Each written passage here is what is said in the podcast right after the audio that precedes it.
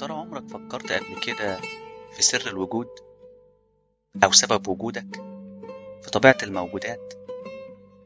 أو يمكن تكون فكرت في معنى الأخلاق ليه في جمال ليه في قبح خير شر وعدل؟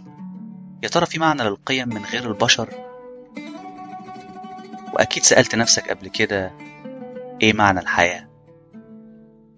كل أسبوع هنناقش فكرة أو سؤال من الأسئلة اللي حيرت الفلاسفة على مر العصور من أفلاطون لابن رشد لديكارت. هنتكلم عن المعرفة الوعي الأنا الأخلاق المعتقد والإيمان العدالة المنطق الشك العلم والجمال. هنسافر عبر الزمان والمكان من فلاسفة الإغريق لآباء المتكلمين العرب لرواد الفلسفة الغربية الحديثة في حلقات أسبوعية قصيرة بلهجة مصرية بسيطة. معكم أحمد الملط للفلسفة والمتفلسفين. أهلا بيكم في كلام فلسفة.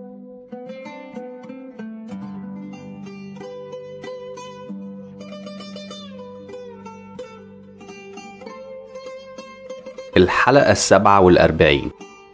إشكالية العلم The Problem of Science I'm not, I'm not infected. I'm not infected. Please. Nothing happened the way it was supposed to happen. Six billion people on Earth when the infection hit. I'm a survivor living in New York City. I will be at the South Street Seaport every day at midday when the sun is highest in the sky. There's anybody out there, anybody, please. تخيل إنك عالم فيروسات عايش في مدينة نيويورك وحيد مع الكلب المخلص بتاعك سام بعد انتشار فيروس الحصبة المعدل جينيا بين البشر. العلماء عدلوا الفيروس في محاولة لصناعة علاج للسرطان. لكن الفيروس اتحول لسلاح فتاك. قتل 90% من سكان الكرة الأرضية وحول 9% من البشر لمسوخ مفترسة بتعيش على الدماء لكنها حساسة جدا للضوء بشكل عام وخصوصا ضوء الشمس. بتجوب شوارع المدن المدمرة الخالية في الظلام بحثا عن فريسة جديدة. انت من الواحد في المية من البشر اللي مازالوا عندهم مناعة ومنتشرين في مدن الكرة الأرضية. بيحاولوا النجاة من المسوخ البشرية قبل ما يمصوا دمائهم ويحولوهم لموتى أحياء زيهم. حياتك اليومية روتينية. بتخرج مع سام في ضوء الشمس للبحث عن الطعام والمؤون. بتلفوا شوارع مدينة نيويورك اللي أصبحت خراب. مبانيها مهجورة. العربيات مركونة في وسط الشوارع. لكنك عارف منطقة وسط البلد المليانة بالمباني المظلمة. لابد إنك تتجنبها لأن المسوخ منتشرة بداخل المباني دي بتقوم بإجراء تجارب على الفئران المصابة بالفيروس لمحاولة العثور على علاج وبتنتظر كل يوم في جزيرة منهاتن أي بشر سليمة هتسمع الرسالة اللي بتبثها يوميا على الراديو بتحس فيها أي حد سليم يسمعك يجي يقابلك My name is Robert Neville. I'm a survivor living in New York City. I am broadcasting on all AM frequencies. I will be at the South Street Seaport every day at midday when the sun is highest in the sky. If you are out there, if anyone is out there, I can provide food, I can provide shelter, I can provide security. If there's anybody out there, anybody, please, you are not alone. بعد انتشار الوباء ماتت مراتك وبنتك وتركوك وحيد انت وسام في عالم قاسي بشع مليان بالمسوخ البشرية. لكن عندك أمل في إنك هتصل لدواء في يوم من الأيام. في أحد الأيام وإنت منتظر مع سام في نفس الموقع اليومي سام هيشوف غزالة بتجري فهيبدأ في مطاردتها ويعبر وراها لوسط المدينة ويدخل أحد المباني المظلمة. بتصرخ تنده عليه لكنه اختفى بالفعل داخل المبنى. بتاخد سلاحك وتدخل وراه وإنت مرعوب. بتتحرك في بطء في الظلام. بتشوف في آخر الطرقة المسوخ نايمة في أحد الغرف. بتتسحب وانت بتحاول تجنب إصدار أي صوت. بتشوف سام تحت أحد المكاتب بتشاور له عشان يطلع. لكنه متردد خايف بيبص وراك. فجأة بيهجم عليك أحد المسوخ. بتضربه بالرصاص وتصرخ اجري يا سام. بيجري الكلب معاك ووراكوا مئات من المسوخ بتطاردكوا داخل المبنى. بتشوف ضوء الشمس في آخر الممر. سام بيقفز من النافذة وانت وراه ووراكوا أحد المسوخ اللي قبل ما يعضك بتحرقه أشعة الشمس ويصرخ ويموت في لحظات. خلال تجاربك اليومية بتجد نتائج إيجابية لمصل مستخلص من دمك. بينجح على أحد الفئران. بتقرر إنك لابد إنك تجربه على البشر. بتروح لوسط المدينة عند نفس المبنى وتضع عينة من دمك على باب المبنى في فخ علشان تقدر تقبض على أحد المسوخ. فعلا بعد لحظات بيطلع واحد منهم على ريحة الدم لكن بمجرد ما يقترب من المدخل بيقع في الفخ وبتقبض عليه. بتشوف المسوخ واقفين داخل المبنى بيصرخوا في غضب لأنك قبضت على واحد منهم لكنهم مش قادرين يخرجوا بسبب ضوء الشمس. بتاخد المسخ المعملك في البيت بتديه المصل لكن للأسف النتيجة سلبية وما بيستجبش للعلاج.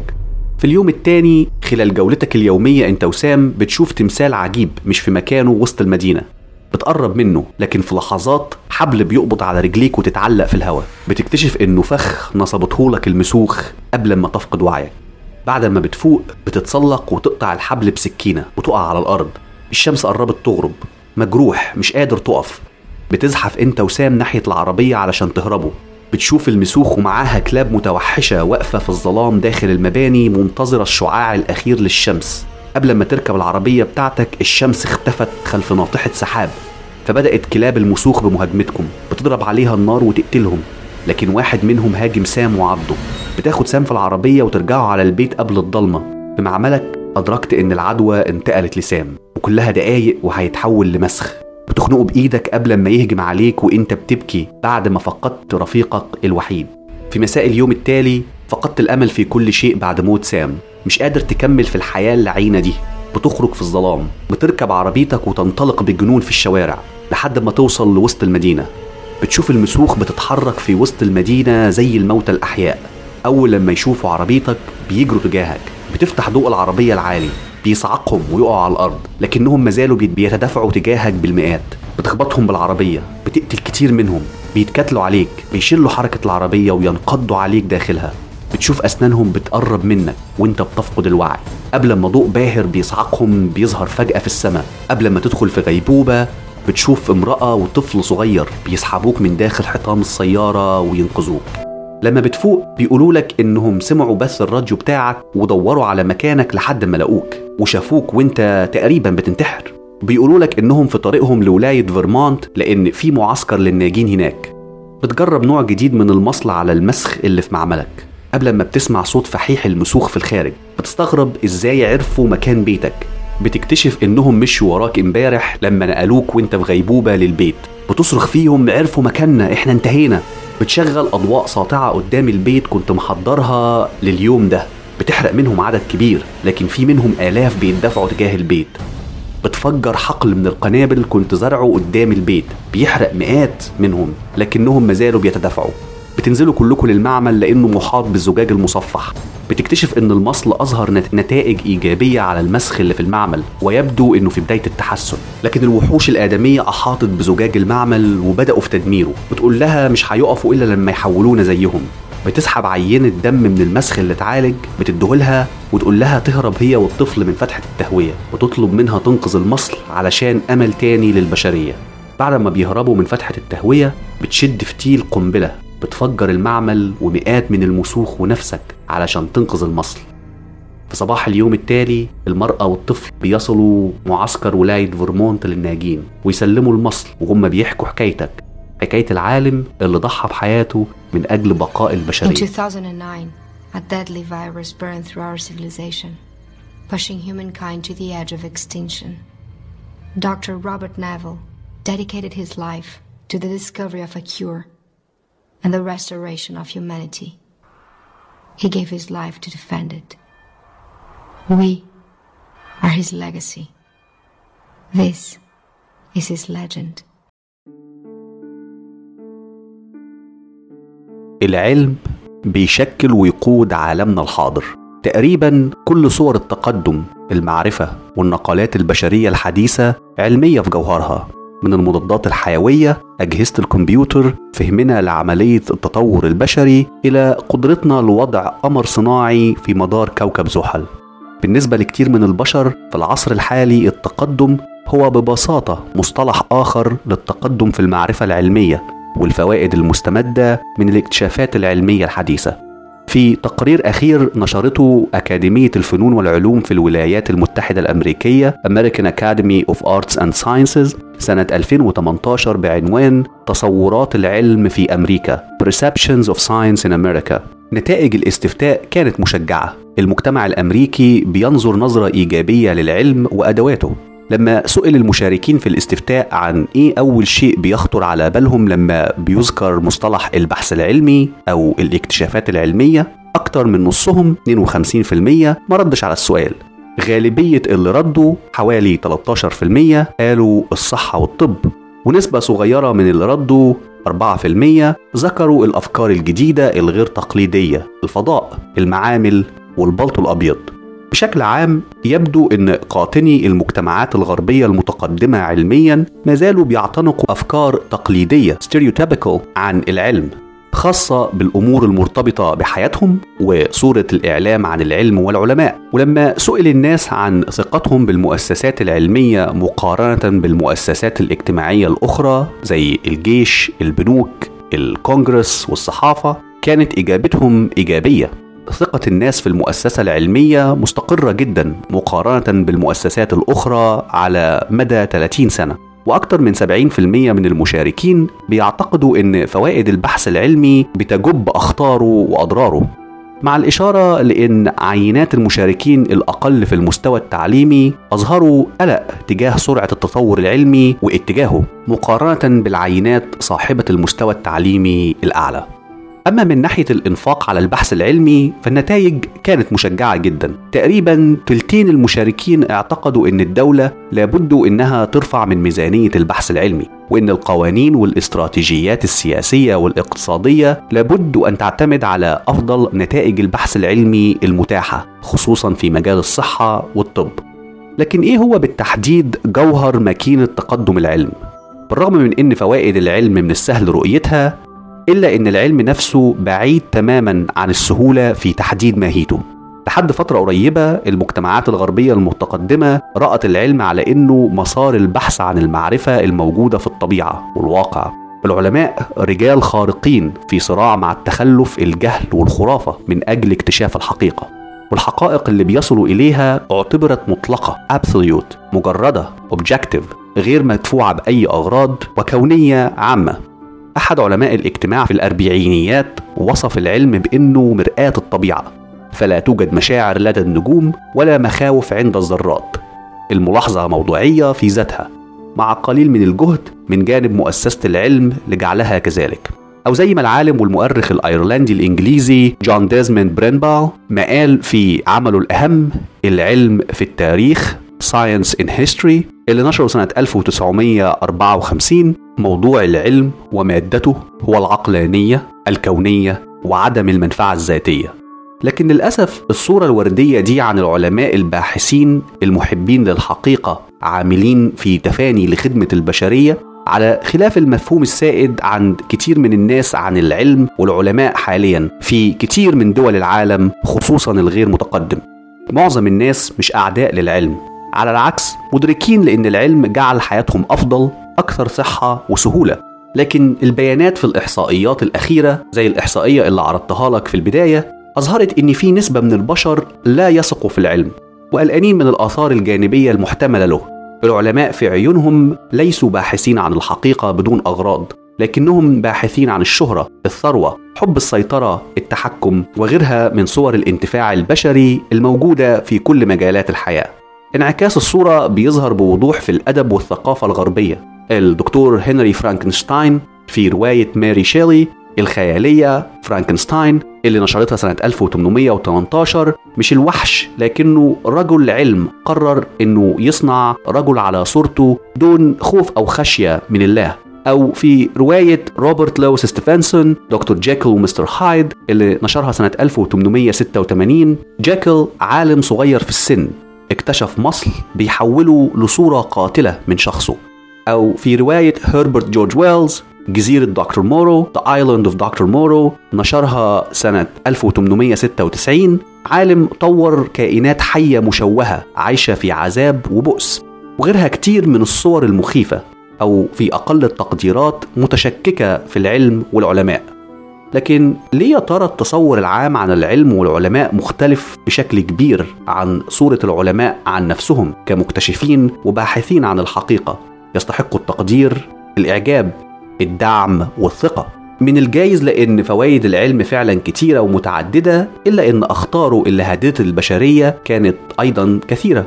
قائمة منتجات العلم مليئة بالمنتجات المدمرة لمنظومة الحياة البشرية الطبيعية. النفايات النووية التلوث الكيميائي ده غير أسلحة الدمار الشامل زي القنابل بداية من يدوية الصنع ذات التأثير المحدود للقنابل النووية والهيدروجينية واسعة النطاق. إذا العلم له فوائد لكنها غالية الثمن.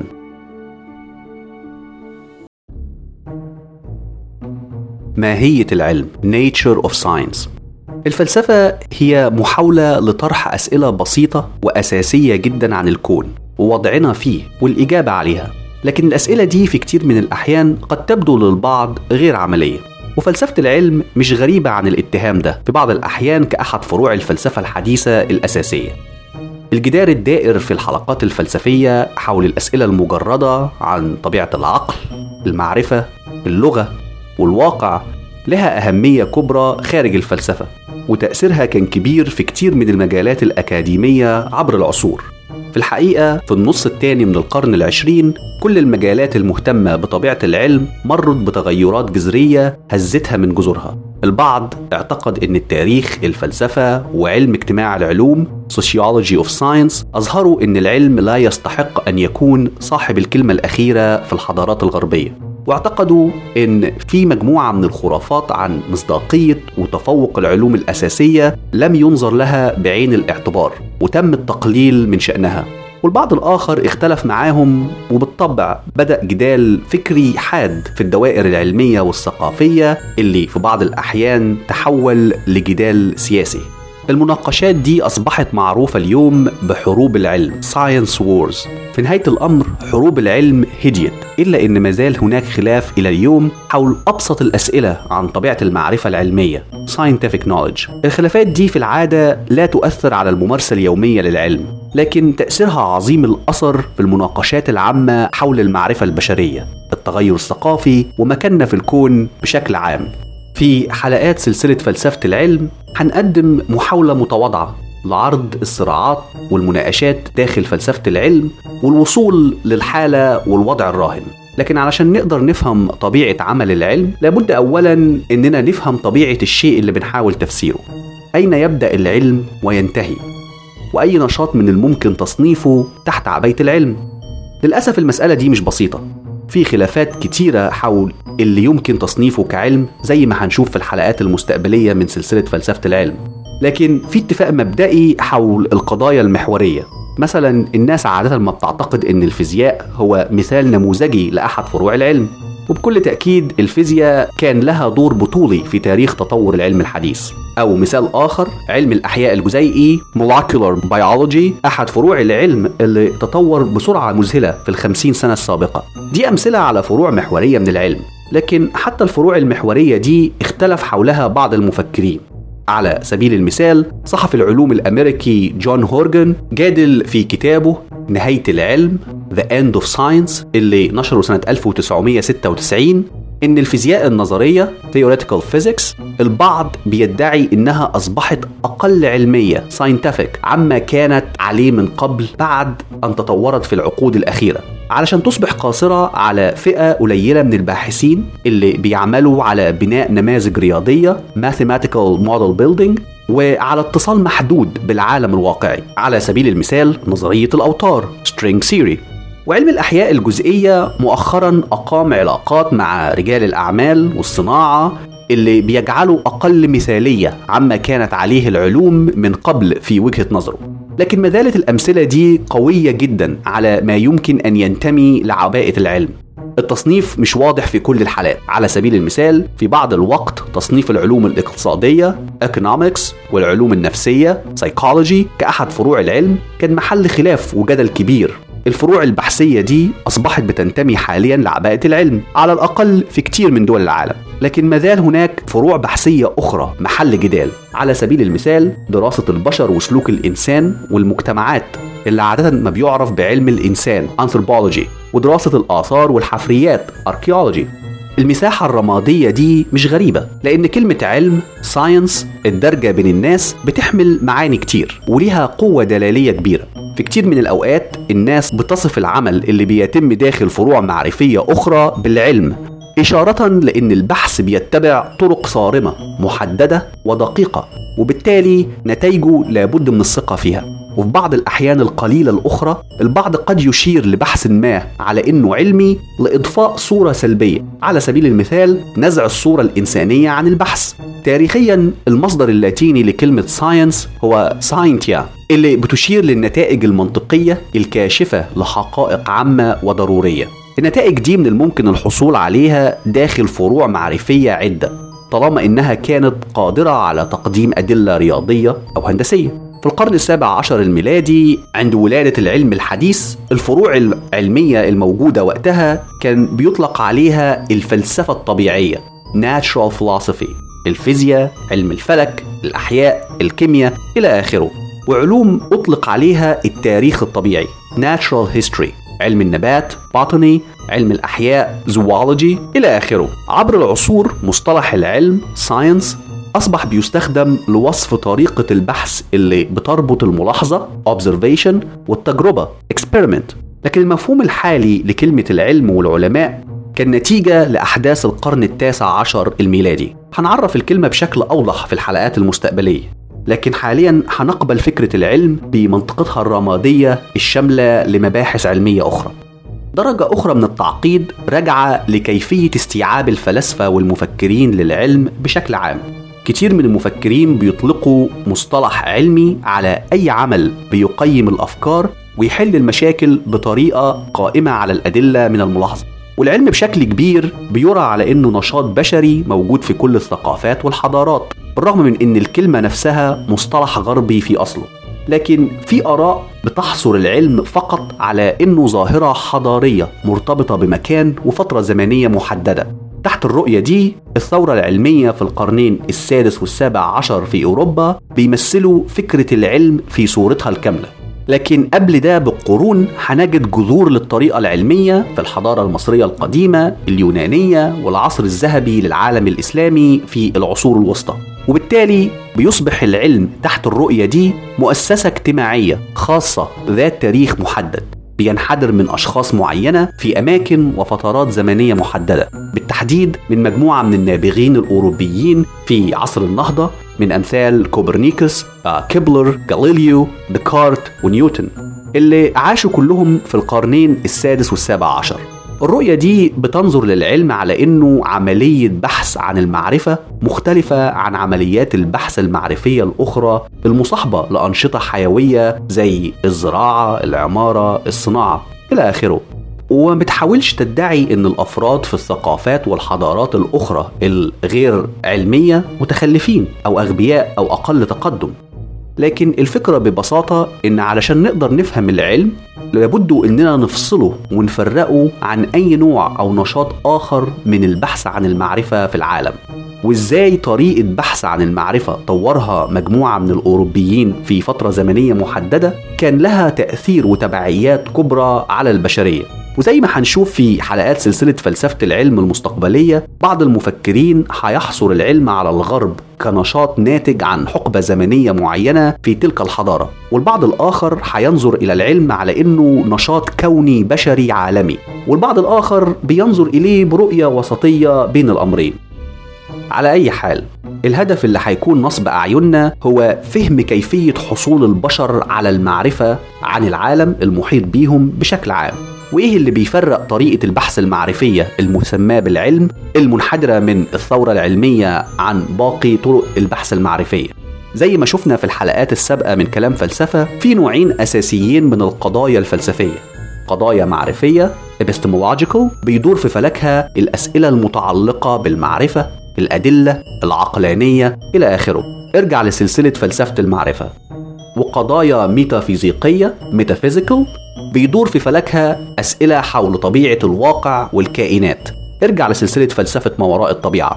فرع فلسفة العلم بيتقاطع مع الفرعين دول وبشكل عام معظم القضايا والإشكاليات اللي هنناقشها عبر الحلقات المستقبلية هتكون قضايا معرفية في الأساس. على سبيل المثال هنسأل إزاي الأدلة المبنية على الملاحظة من الممكن أن تبرر صحة نظرية علمية ما؟ وهل إحنا مبررين في الاعتقاد إن العلم قادر على وصف العالم بشكل حقيقي؟ لكن من حين لآخر هنتعرض لإشكاليات ميتافيزيقية وقضايا فلسفية لغوية في إطار قصة تاريخ العلم. كتير من الفلاسفة بيصروا على إن لابد من وضع نظرية منطقية للعلم.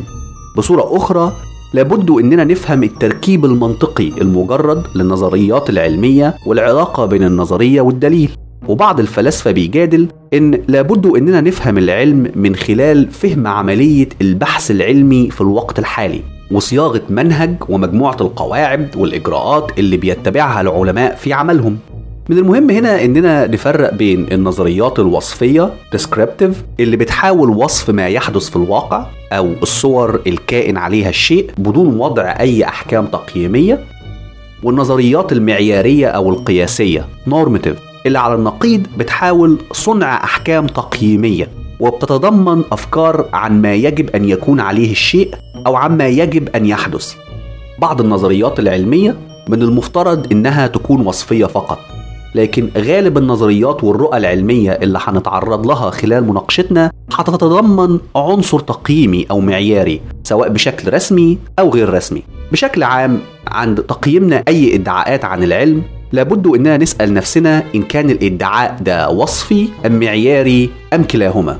عند بعض الناس السؤال المهم هو إن كان البحث موضوعي objective ولا لا. لكن للأسف مصطلح موضوعي أصبح متعدد المعاني.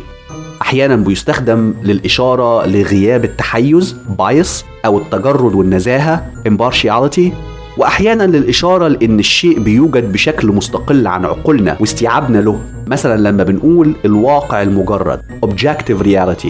الموضوعية والتجريد هنا مقصود بيها إن الواقع له وجود بغض النظر عن كيفية إدراك أو وصف الناس له. بسبب الالتباس ده في المعاني هنحاول قدر المستطاع تجنب استخدام مصطلح الموضوعية في طرحنا للأسئلة أو تقييمنا.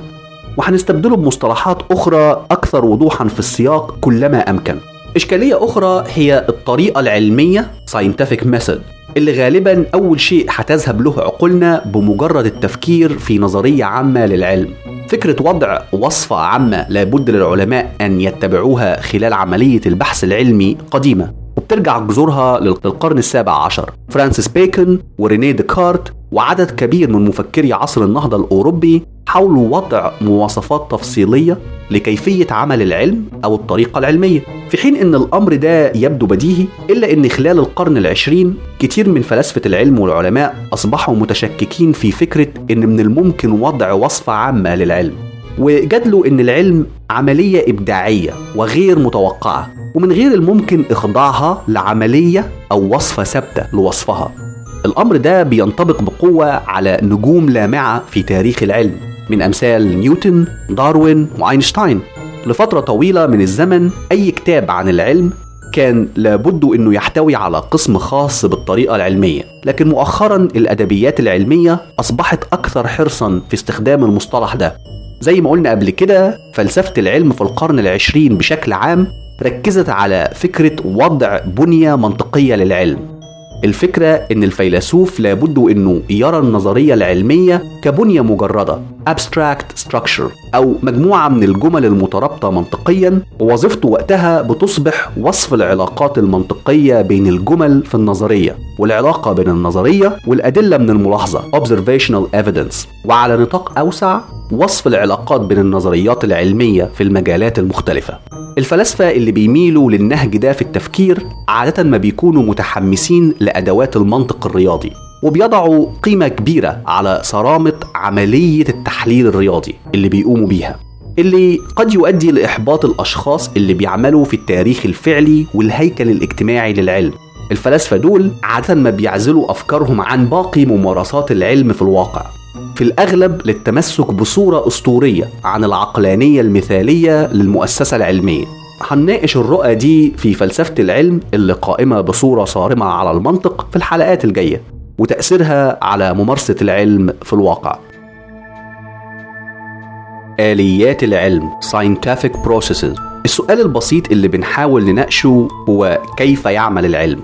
في ثلاث إجابات رئيسية على السؤال ده من الممكن رؤيتها على إنها نقاط بداية للبحث في الإجابة على السؤال.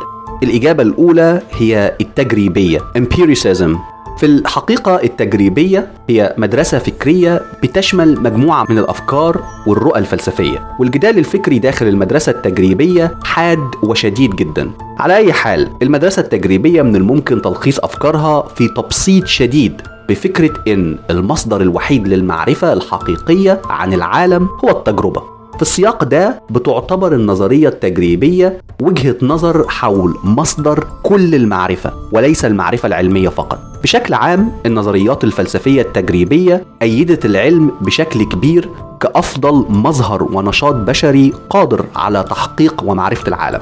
التفكير والتحقيق العلمي بيتبع نفس النمط الأساسي في التفكير والتحقيق اليومي. لكن تحت الرؤية دي المصدر الوحيد لحقيقة العالم هو التجربة. لكن العلم خصوصا ناجح جدا في تحقيق هذه المعرفة لأنه منظم منهجي وبشكل خاص سريع الاستجابة لنتائج التجربة أيا كانت سامع صوت اعتراضك وإيه الجديد؟ ما التجربة أكيد هي مصدر المعرفة الوحيد في العالم هتكون إيه المصادر الأخرى يعني؟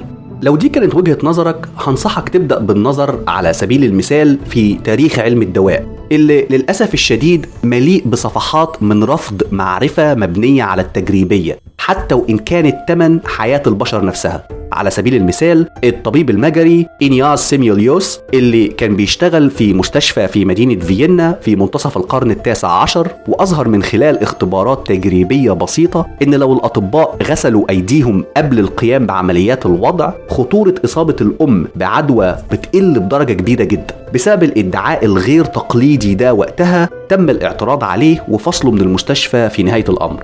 مثال آخر عن دور شرب المياه في انتشار مرض الكوليرا اللي كان وباء واسع الانتشار في القرن الثامن والتاسع عشر. بيسبب الوفاة عن طريق تصفية الجسم من خلال حالة شديدة من الإسهال دايريا الكوليرا كانت بتنتشر بسرعة في أي جماعة من الفقراء في مكان واحد بدون أي إجراءات وقائية. في الوقت ده كان في عدد من الفرضيات عن كيفية انتشار الوباء. ده طبعا كان قبل اكتشاف البكتيريا والكائنات الدقيقة المسؤولة عن نقل الأمراض. بعض الفرضيات كانت إن العدوى بتنتقل عن طريق غازات كريهة معروفة بالميازمس صادرة من المستنقعات الملوثة.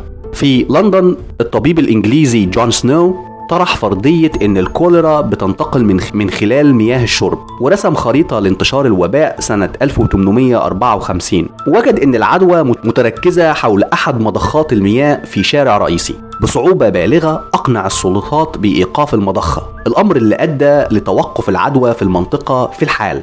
الحدث ده كان فارق في تاريخ الطب وعلم الدواء. وكان نواة جميع المشاريع البشرية الحديثة العاملة على فكرة مياه شرب نظيفة واللي كان ليها عظيم الأثر على الصحة البشرية في العصر الحديث. ده بالإضافة لأهميتها في دعم الأفكار التجريبية الأساسية. من الجايز إن البعض يجادل إن اذا القضية انتهت والتجريبية هي الحل ومفيش داعي لسلسلة كاملة من كلام فلسفة لمناقشة موضوع العلم.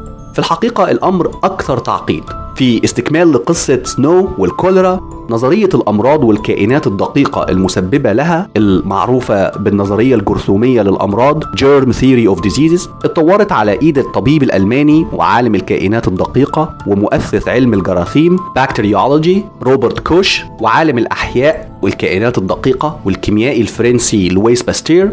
كوش قدر على عزل عينة من البكتيريا المسؤولة عن مرض الكوليرا في أيام انتشار المرض الأولى. لكن الكيميائي بيتن كوفر ما اقتنعش بالفكرة دي وكان مصمم على إثبات إن كوش خاطئ. فشرب كوباية من المية مختلطة بالجراثيم اللي ادعى كوش إنها السبب في وباء الكوليرا. المثير في الأمر إن بيتن كوفر ما اتصابش بآثار عدوى الكوليرا وكتب عن خطأ نظرية كوش. في الدراسات الحديثة لتاريخ العلم البعض جادل إن من الجائز إن معدلات الحمضيات في معدة بيتن كافر كانت مرتفعة اللي من الممكن إنه يحمي الناس من عدوى الكوليرا. أو من الجائز إن جرثومة الكوليرا ماتت في العينة اللي خلطها مع المية قبل ما يشربها. المهم في الأمر هنا إن بيتن كافر كان محظوظ لأن كوش كان مصيب في نظريته عن السبب وراء الكوليرا. لكن العبرة من القصة إن مش دايما النتائج المباشرة للتجارب العلمية مضمون نجاحها. على أي حال النقد الموجه للمدرسة التجريبية اتهمها بتبسيط وتسطيح الأمور خصوصا وإن التجارب لا يتم صبها في العقول فتتحول لمعرفة. فعلا من الصعب جدا صياغة الأفكار التجريبية الأساسية بطريقة تجعلها أكثر واقعية من الناحية النفسية. التجريبيين أنفسهم لا ينكرون أن التفكير المنطقي بما في ذلك المنطق التفسيري الدقيق للغاية ضروري لفهم ما نلاحظه. ومع ذلك بيصروا على إن بصورة ما دور التجربة أكثر جوهرية في كيفية اكتساب المعرفة عن العالم. وكتير من منتقدي التجريبية بيعتقدوا إن ده خطأ نتيجة صورة قديمة مبسطة عن كيفية عمل الإيمان والمنطق. هنرجع نناقش الجدال ده بالتفصيل في المستقبل. الإجابة التانية عن كيفية عمل العلم هي مدرسة النموذج الرياضي أو زي ما جادل جاليليو أحد أبطال الثورة العلمية إن ما يجعل العلم مختلف عن باقي أساليب البحث البشرية إنه بيحاول فهم العالم من خلال الأدوات والنماذج الرياضية هل يا ترى الفكرة دي بديلة للطريقة التجريبية أم مكملة؟ في الحقيقة التركيز على الطرق والأدوات الرياضية في العادة بيستخدم للجدال ضد المدرسة التجريبية لأن البعض بيعتقد أحيانا أن الرياضيات بتظهر لنا أن هناك طريق آخر للمعرفة بجانب التجربة وأن التجربة واحدة من مصادر المعرفة وليست المصدر الوحيد للمعرفة. والبعض الآخر بيعتقد أن دور التجربة بسيط وغير أساسي في تحقيق المعرفة عن العالم لأن التجربة أساسية في جميع مساعي البحث البشري الحقيقي. لكن اللي بيميز العلم في وجهة النظر دي عن باقي طرق الوصول للمعرفة الأخرى هو محاولته لتقدير الظواهر كميا quantify وكشف الأنماط الرياضية في سير وتدفق الأحداث الملاحظة. ومع ذلك بالتأكيد هنشوف تركيز على الرياضيات كطريقة معرفية من الممكن الجمع بينها وبين التجريبية. في الحقيقة في اعتقادي الشخصي الأدوات الرياضية مهمة في عملية العلم لكنها غير أساسية. وبالرغم من أن الرياضيات مثلا ذات أهمية قصوى في تطور علم زي الفيزياء إلا أن أحد أهم ثمرات العلم البشري نظرية التطور لداروين Theory of Evolution اللي قدمها في عمله الخالد عن أصل الأنواع On the Origin of Species ما استخدمش أي نوع من الرياضيات في عملية بحثه العلمية. وفي الحقيقة داروين ما كانش منفرد بالأمر ده. معظم الطفرات العلمية في مجال الأحياء في القرن التاسع عشر تمت بدون استخدام واسع النطاق للرياضيات. علم الأحياء الآن بيشتمل على أجزاء رياضية كبيرة بما في ذلك صياغة رياضية حديثة لنظرية التطور لداروين. لكن ده تطور حديث تم في القرن العشرين. إذا يبدو أن ليست كل فروع العلم بحاجة للرياضيات لفهم العالم أو على الأقل بعض أجزائه.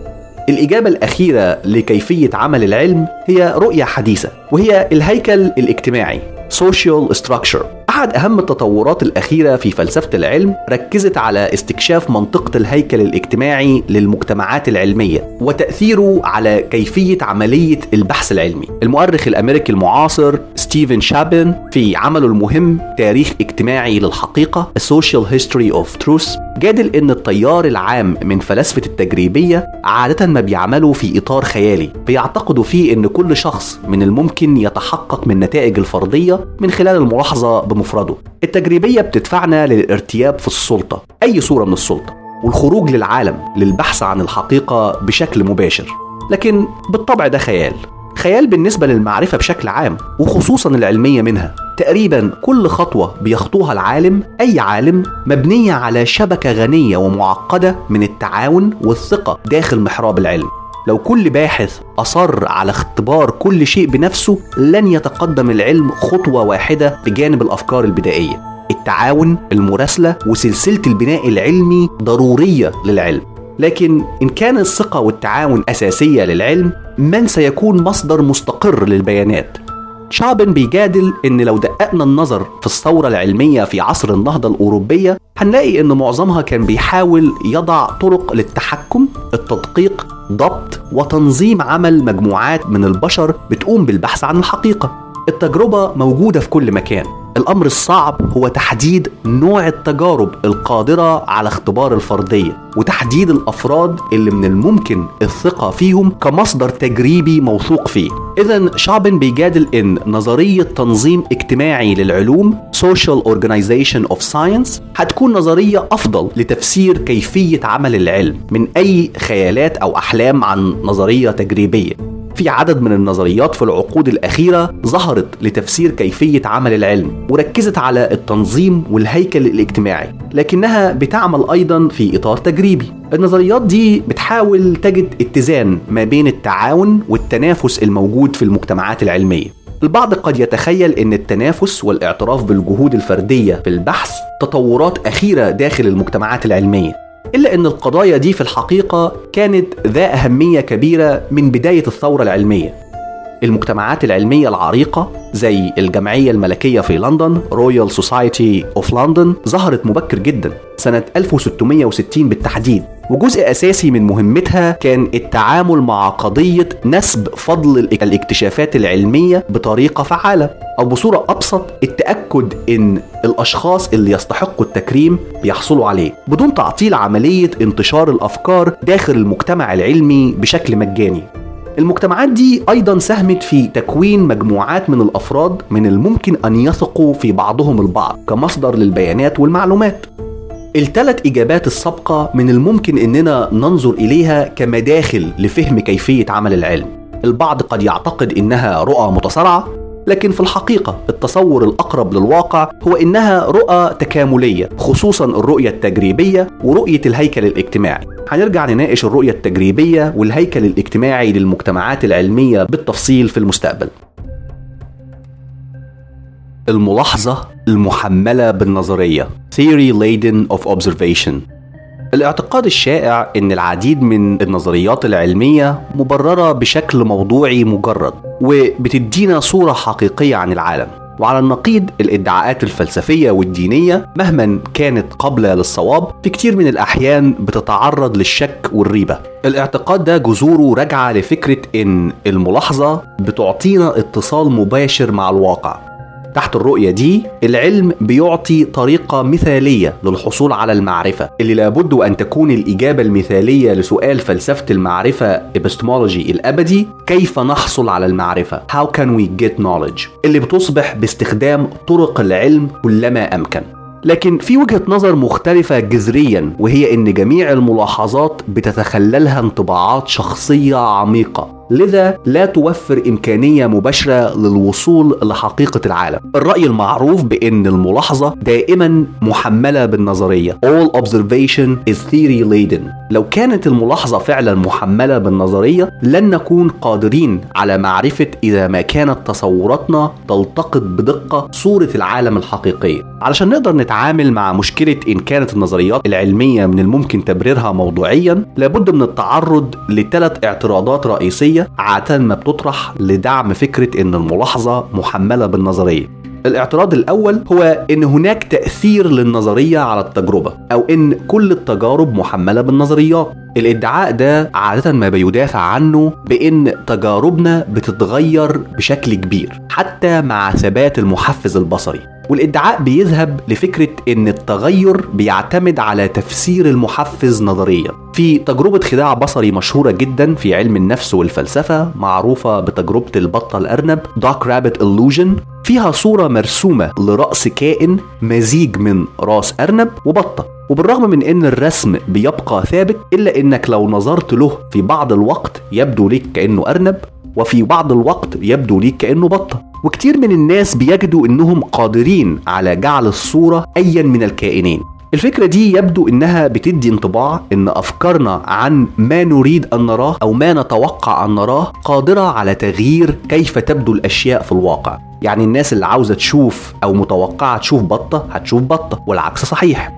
حجة أخرى على الإدعاء ده هو إن أحيانا الصورة اللي بيظهر عليها الشيء لا تعكس حقيقة طبيعته. مثال عادة ما بيضرب على الفكرة دي هو خداع مولر لاير Müller-Lyer illusion. نسبة إلى مكتشفه عالم النفس الألماني فرانز كارل مولر لاير سنة 1889 وفيه مقارنة بين سهمين مختلفة التوجه بحيث يبدو السهم ذو الرؤوس المتنافرة أطول بكتير من السهم ذو الرؤوس المتقابلة مع إن قياس الطول واحد. وممكن التأكد من إن السهمين قد بعض بالقياس المباشر. الناس عادة ما بتصمم إن الخطين مختلف الطول عند رؤيتهم لكن لو قسناهم بمسطرة هنجد إنهم متساويين في الطول. انطباعنا من خلال التجربة عن الأسهم ذات الرؤوس بزاوية معينة تبدو بعيدة عن بعضها عما هي عليه في الواقع. بعض الباحثين أشاروا إن بعض الجماعات الأفريقية ما بتعانيش من إشكالية وهم مولر لاير وجادلوا إن الجماعات دي في الغالب عندهم خلفية مختلفة بتحصنهم ضد هذا الخداع. بعض الفلاسفة جادلوا إن خداع أو وهم بصري من أمثال تجارب البطة الأرنب ووهم مولر لاير بيظهر إن تأثير النظرية قوي على الملاحظة العلمية. فيلسوف العلم الأمريكي نوروود هانسون في عمله المهم أنماط الاكتشاف التحقيق في الأسس النظرية للعلم Patterns of Discovery an Inquiry into the Conceptual Foundations of Science اللي نشره سنة 1958 جادل إن كوبرنيكوس وبطليموس تجاربهم لرؤية شروق الشمس كانت مختلفة تماما. لأن كوبرنيكوس اعتقد إن الأفق بيسقط فأصبحت تجربته إن الأفق بيسقط. ولأن بطليموس اعتقد إن الشمس بتصعد تجربته أكدت فكرة صعود الشمس. لو الآراء الفلسفية دي صحيحة هيكون من المستحيل التأكد من صحة أي نظريات بشكل موضوعي مجرد. لأن هيكون من المستحيل الاعتماد على أي ملاحظة لم يتم تلويثها أو تحميلها بنظريات شخصية للفرد الملاحظ. من الجائز إن كوبرنيكوس وبطليموس اعتقدوا إن نظرياتهم مبررة بالحقيقة اللي كان عليه العالم وقت ملاحظتهم. لكن في الواقع الصورة اللي لاحظوا بيها العالم كانت محملة بأفكارهم ونظرياتهم عن ما سيلاحظوه في العالم. وبالتالي هيكون من المستحيل تحديد إن كانت ملاحظتهم فعلا نتاج الحقيقة الكائنة في الواقع أم انطباعات لنظريات شخصية في عقولهم. الإشكالية في الإدعاء ده إن في حدود إلاستيكية للتجربة البصرية وبالتالي في عدد كبير من النظريات من الممكن اختبار موضوعيتها من خلال التجربة. على سبيل المثال الفيلسوف الأمريكي هارولد براون في كتابه التصور النظرية والالتزام Perception Theory and Commitment اللي نشره سنة 1977 طرح تجربة من الممكن فيها إننا نرسم شكل بطة أرنب يعطي ايحاءين للكائنين. لكن بتجربة بسيطة من الممكن تحاول فيها بنفسك إثبات إن من المستحيل جعل الصورة تبدو لكائن آخر. أنت متوقع إنك تشوفه. على سبيل المثال حاول إنك تشوف ثعبان مثلا في الصورة أو أهرام أو برج إيفل. ده حتى هيكون من الصعب جدا رؤية صورة لبطة حقيقية داخل الرسم. إذا يبدو أن من خلال التجربة أصبحنا قادرين على نفي رؤية الثعبان داخل رسم البطة الأرنب. مهما حاولنا أننا نجعل الرسم يبدو ككائن آخر مش فيه هنفشل. الإشكالية التانية لفكرة إن التجربة محملة بالنظرية إن من الممكن فقط أن ندعي إن المحفز البصري من الممكن إدراكه بأكثر من صورة إما في حالة إدراكه بصورة ثنائية الأبعاد two dimensional زي مثلا في حالة رسم على ورقة كتمثيل لشيء آخر أو تحت ظروف إدراكية سيئة زي مثلا رؤية شيء ما في الظلام أو بسرعة خاطفة. في الحالة دي فقر التجربة لن يكون نتيجة إن التجربة محملة بالنظرية لكن بسبب سوء ظروف الملاحظة. يعني لو اختبرنا نفس الشيء في ظروف أفضل تحت ضوء شديد مثلا من جميع الجوانب تجربتنا لن تكون فقيرة وهنكون قادرين على استخدام التجربة دي في إنتاج نتائج محايدة موضوعية. مش معنى كده إن الشكل الظاهري للشيء لن يكون خادع ابدا تحت الظروف الطبيعية. مثلا كلنا شفنا معلقة سليمة في كوب ماء تبدو وكأنها معوجة بالرغم من رؤيتها في وضح النهار من جميع الجوانب. لكن المقصود هنا إن معتقداتنا لا تحدد بناء على الطريقة اللي بتظهر بيها الأشياء وبالتالي هنتجنب مصدر واحد للخطأ على الأقل. بالرغم من إن الاعتراض التاني ده من السهل الاعتماد عليه في الجدال في المواقف الحياتية اليومية إلا إن في التجارب العلمية في كتير من الأحيان الظروف اللي بنقوم فيها بإجراء التجربة أو الملاحظة بتكون غير قياسية على الإطلاق. مثلا لما بندرس الكواكب أو الكائنات الدقيقة بنستخدم التلسكوب والميكروسكوب اللي لا تعطينا صورة ثلاثية الأبعاد واضحة ومحددة كرؤيتنا للأشياء والكائنات الأخرى بالعين المجردة. في الحالة دي لابد إننا نتعلم إزاي نجعل الصورة واضحة ومحددة. من الممكن إن البعض يجادل إن عملية التدريب لجعل الصور المنتجة بالأدوات دي واضحة محملة بنظرية الفرض وبالتالي كنتيجة من الممكن أن نجعل الصور تحتوي على معلومات غير موجودة في الواقع. ده قد يفسر مثلا ليه جاليليو على الرغم من إنه ملاحظ محترف للكواكب رسم قمرين كبار بدل من دوائر حول كوكب عطارد عند ملاحظته له. وبالتالي أحد المتشككين في قدرة العلم وطريقة عمله هيشك إن في مشكلة خطيرة في المحاولة بشكل موضوعي لاختبار النظريات حول الأشياء البعيدة أو الدقيقة من خلال التجربة لأن ملاحظتنا شابتها أفكار مسبقة عن الكائنات دي. لكن في الحقيقة مش من الواضح إن عملية التدريب لتوضيح الملاحظة المكتسبة من خلال الأدوات المعملية محملة بنظريات الملاحظ. في غياب أدلة أخرى من الجائز أن التغيرات حدثت فقط من خلال آليات العين أو المخ اللي بتتكيف مع مرور الوقت. يعني مثلا فكر في وقت كنت فيه في مكان مظلم جدا وخرجت فجأة لمكان مضيء. في البداية عادة بيكون من الصعب جدا على أي آلية عمل بصرية مخية بشرية إن أن تستوعب الكائنات في الواقع المحيط بوضوح أي إنك بتكون غير قادر على رؤية الأشياء المحيطة بوضوح. لكن تدريجيا بتبدأ في رؤية الواقع المحيط بوضوح.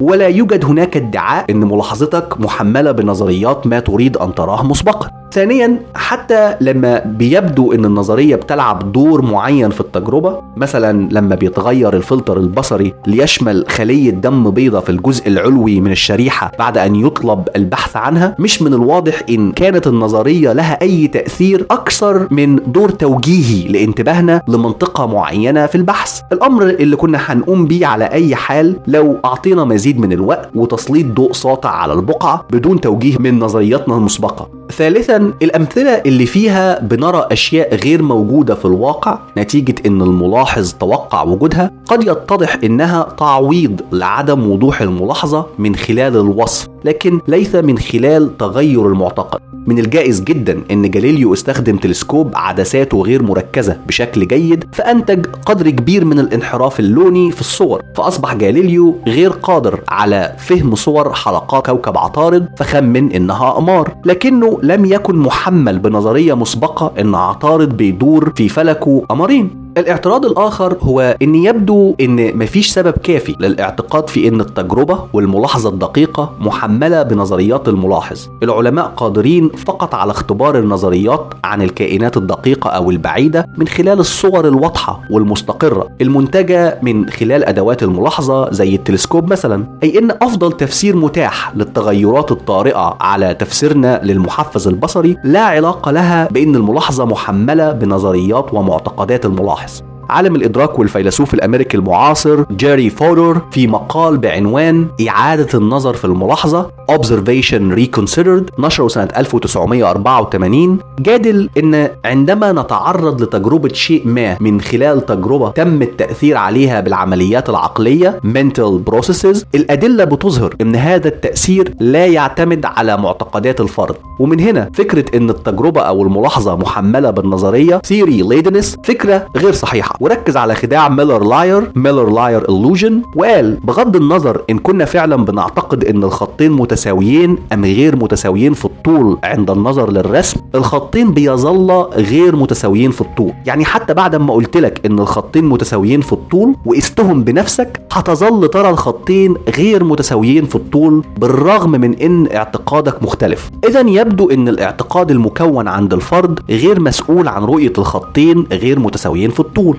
فودور فسر الخدعة من خلال استخدام نظرية الوحدات للعقل Modularity Theory of Mind اللي ادعى إنها مناسبة لتفسير الأدلة التجريبية أفضل من تفسير إن التجربة محملة بالملاحظة. طبقا لنظريته العقل مكون من مجموعة منفصلة من الوحدات modules المسؤولة عن معالجة المعلومات. الوحدات دي لا يمكن أن تؤثر ببعضها البعض في وظائفها الأساسية اللي بيتم تحديدها إما كليا بالفطرة innately أو جزئيا بواسطة تدريب بيئي بصورة أخرى فودور بيجادل إن الوحدات دي منغلقة منعزلة ومن الممكن تبادل المعلومات ما بينها من خلال وحدة معالجة معلومات مركزية Central Processing Unit. عندها معتقدات لغوية Linguistic Beliefs ويمكنها إصدار أحكام مسبقة حول هذه المعلومات. لكن نوع التقارير اللي بتعطيها الوحدات غير متأثرة بتلك المعتقدات في الوحدة المركزية. هوضح لك الفكرة أكتر من خلال مثال تخيلي. مثلا أحد الوحدات في المخ قد تكون وحدة الرؤية المركزية. طبقا لفودر